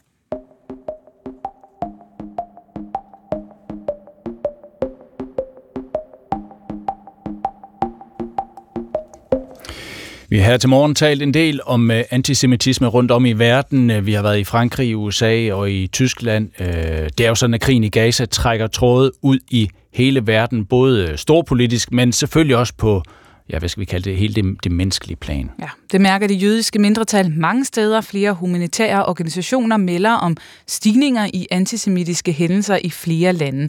Blandt andet i Frankrig, hvor DR's udlandsjournalist i Paris, Karin Mørk, har mødt øh, Jonas Jacquelin, der er øh, rabiner i Paris, og som mange andre jøder, så bærer han ikke længere synlige jødiske tegn offentligt, fortæller Karin Mørk. Han er bange for at, at blive overfaldet, verbalt eller endda fysisk. Og det er jo derfor, at øh, han undgår at eksponere sig som jøde. Altså det vil sige, en øh, tager, han tager en kasket over sin kippa eller kalot, når han bevæger sig i det offentlige rum, øh, i metroen. Eller, og han undgår også at tale om konflikten øh, i, øh, i øh, hvad hedder det, Israel og med Hamas. Jeg har oplevet altså, en, en anden rabiner, som ligesom sagde, vi må tale senere. Og så forklarede han, at han han havde siddet i Uber, og der ville han simpelthen ikke øh, tale om, altså tale med mig om det her emne, fordi mm. så vil han jo blive afsløret som, som jøde. Og, ja. øh, og så, så det er sådan en, en frygt, som, som rigtig mange jøder har. Ja, du har også talt med formanden i foreningen øh, Jødedom i Bevægelse, Jean-François Benzael. Uh, han, han sagde sådan her. 1000 incidents antisémites recensés avec ceux qu'on ne recense pas. Euh, depuis trois semaines, c'est quelque chose d'inédit, de jamais vu depuis, depuis l'après-guerre, depuis l'après-Shoah. De sidste tre uger har der været over 1000 angreb, alene dem, der er anmeldt. Der er flere. Det er uden fortilfælde, ikke set siden holocaust under 2. verdenskrig, siger han altså. Karin, der har, altså, der har jo altid været antisemitisme i Frankrig. Hvad er anderledes den her gang for de franske jøder? Ja, det øh, de fortæller mig, det er, at det er antallet af hændelser. Altså franske medier taler om op mod tre gange så mange hændelser, antisemitiske hændelser på en måned, som hele sidste år. Øh, og det er jo altså, øh, det, det, det genopvækker den frygt, der ligger latent øh, i mange jøder, altså øh, i, i Frankrig, øh, for øh, den her, altså for at blive udpeget som jøde, altså for jødeforfølgelse simpelthen, og hadforbrydelser. Er der fokus på det fra myndighedernes side? Hvad, hvad, hvad gør man fra, fra statens side? Ja, altså det er der meget. De tager det meget alvorligt. Øh, så øh, altså de, øh, de anholder jo folk, øh, hvis, hvis de kan finde dem. Og så er der faktisk også på søndag, så arrangerer senatet og parlamentet har arrangeret en antisemitisk march, øh, hvor tidligere præsidenter har sagt, de kommer op eller vil, vil deltage. Og... Øh, det er, der er faktisk en lidt, lidt polemik lige nu, fordi Marine Le Pen vil også deltage. Og der er jo folk, øh, altså hendes far, øh, som lavede øh, det højreorienterede, Mm. eller højre nationale parti, han blev faktisk dømt jo for antisemitisme flere gange, og, og sagde jo den her øh, berømte udtalelse om, at gaskammerne var en detalje i øh, 2. verdenskrigs historie. Så der er mange, der... altså, Det, det er en stor polemik lige hernede lige nu. Øh, der er så til gengæld også andre, der siger, jamen det er da fantastisk, at hun vil gå med. Øh, så så bryder hun jo virkelig med partiets fortid. Ja, fortalte altså øh, Karin Mørk, som var øh, med fra Paris. Også i USA er det blevet sværere at være jøde efter øh, terrorangrebet 7. oktober og alt det, der er sket siden. Specielt på universiteter og ved demonstrationer oplever mange amerikanske jøder i de her uger ubehageligheder. Det fortæller Jakob Krog, DR's USA-korrespondent. Altså, FBI's direktør sagde det faktisk i sidste uge, der sagde han, at antisemitismen er på et historisk højt niveau her i USA. Og han kom også med, en, med, øh, med lidt af deres egen statistik, hvor han fortalte, at selvom jøderne kunne udgøre 2,4 procent af befolkningen, så 60 procent af al den hadkriminalitet, som ligesom har med religion at gøre, den er rettet mod jøder. Øh, og, og det kommer så i mange former. Øh, det, det, de har set øh, chikane, tilråb, kommentarer, også deciderede trusler. Og hvis vi lige hopper over på den anden side af grænsen til Kanada, så blev der kastet molotov-cocktails mod en synagoge for nylig, og her i dag, så sent som i dag, blev der skudt mod en skole. Og så har der også været sammenstød til flere demonstrationer. Bare for et par dage siden, et par timer herfra, hvor jeg er, der, øh, der blev en ældre mand først slået i hovedet, så han væltede, og så bankede han hovedet i jorden, og det betød faktisk, at han døde. Så der har været indtil flere ret voldsomme episoder her. Og den skole, Samtidig du taler man- om, Jakob, altså en jødisk skole, eller hvad ved vi om, om den situation? Ja, det var en jødisk skole, der blev skudt, øh, affyret to skud. Heldigvis var der ingen børn øh, til stede på tidspunktet, så der er, der er ikke nogen, der er kommet til skade, men, men jo et, et ret, ret voldsomt og ubehageligt signal. Øh, men samtidig, som jeg var ved at sige, så har man altså også set en ret stærk stigning i islamofobiske hændelser øh, her i USA. Og der er det værste eksempel her nok for et par uger siden, hvor en seksårig dreng med palæstinensisk baggrund blev dræbt, og hans øh, mor blev voldsomt såret, da, da deres udlejer angreb dem med en kniv. Og det er jo øh, nogle ekstreme tilfælde, øh, når det, når det kommer dertil, at det er med- skud og, og drab. Øh, så er der jo også, øh, kan man sige, øh, de tilfælde, som handler om trusler og verbale ytringer osv. Øh, kan du sige noget om, i hvilke miljøer? Fordi nu talte vi lige om, inden vi tag, havde dig på her, om, at der kan være en generationsforskel, øh, måske på, hvor den ældre del af befolkningen står, og den yngre del af befolkningen står. Men i hvilke miljøer ser man tydeligst de her eksempler på antisemitisme og anti-islamofobi i, øh, i USA lige nu?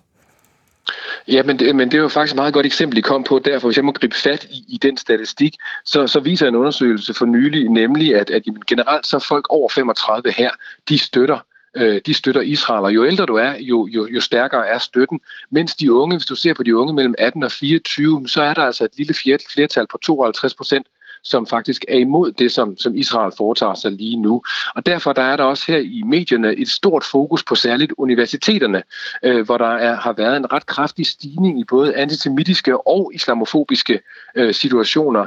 Og der har der altså været flere situationer på, øh, flere eksempler på jødiske studerende, der har følt sig utrygge, som har følt sig truet og chikaneret. Øh, der er nogle tilfælde, hvor de jødiske studerende har følt sig så truet, at de har måttet skjule sig for en demonstration og måtte hentes ud af, af vagter. Øh, der der har også været sammenstød, og, og i sidste uge, der måtte et universitet undervise al aflys, eller undervise al, undskyld, Aflyse al undervisning. Aflyse al undervisning, jeg prøver igen, tak. fordi en, fordi øh, en, en studerende truede med at slå jøder ihjel. Øhm, så, så der er altså et ret stort fokus på, på særligt universiteterne lige nu. Ja, fortalte altså Jakob Krog, DR's USA-korrespondent. Og øh, så slutter vi af i Tyskland, hvor en øh, NGO i hovedstaden Berlin på kun 11 dage har fået 70 henvendelser om jødefjendtlige hændelser. Og øh, de tyske jøder, ja, de er også utrygge, fortæller Sten Nørskov, der er journalist på DR's udlandsredaktion. Deres egen oplevelse er i hvert fald, at de har grund til at være utrygge. Det er en jødisk organisation, du nævnte, en anden, der hedder OFEC, som rådgiver jøder om forskellige spørgsmål, har oplevet en tidobling af antallet af henvendelser. Altså på den måned, der er gået cirka siden angrebet 7. oktober, har de oplevet en tidobling af antallet af henvendelser med bekymrede jøder, øh, som er bange øh, på deres arbejdsplads, som oplever at blive øh, råbt af på gaden, spyttet på. De fortæller, at deres børn bliver truet i den skole, børnene går på. Og i det hele taget, så er der virkelig en stor utryghed blandt jøder, øh, ikke bare i Berlin, men, men i hele, hele Tyskland. Øh, lederen af det øh, jødiske centralråd, som også talte i den synagoge, hvor, hvor kansleren var i går, sagde, at når man oplever som jøde, at der bliver malet Davidstjerner på døren på den ejendom, hvor man bor, så, ja, så er andre mennesker simpelthen nødt til at sætte sig ind i, hvad det betyder for en jødisk sjæl. Det var den måde, han udtrykte det på. Det er selvfølgelig også noget, der pegede bagud ja, det, til 1938. Jeg særligt i, i Tyskland det var, er det ømtåligt. Ja, det var sådan, det startede. Ikke? Mm. Og hvor, ved vi noget om, hvor, øh, hvor, hvilke grupper i samfundet, som det her jøde havde, kommer fra særligt? Ja, altså dømme ud fra de store demonstrationer, der har været øh, øh, for palæstinenserne imod Israels øh, krig i Hamas, øh, så er det i høj grad øh, store indvandrergrupper med arabisk-muslimsk baggrund i Tyskland. Men der er også grupper på det yderste venstre, altså ikke indvandrergrupper på det yderste venstre, og det stadig voksende og stærke øh, yderste højre i Tyskland. Øh, kansler Scholz advarede faktisk i går øh, også imod islamofobi. Hmm. Han sagde, at der er grupper, som vil forsøge at udnytte det her til at begrænse de 5 millioner muslimske øh, tyskers øh, plads i vores øh, samfund, og det skal ikke ske. Ja, fortalt altså Sten Nørskov, der er journalist på DR's udlandsredaktion. Klokken er blevet 5 minutter i ni. Vi skal ud i naturen. Ja, det er mørkt, og det er jo november, og det er vådt, og det er den tid på året, hvor øh, man hører...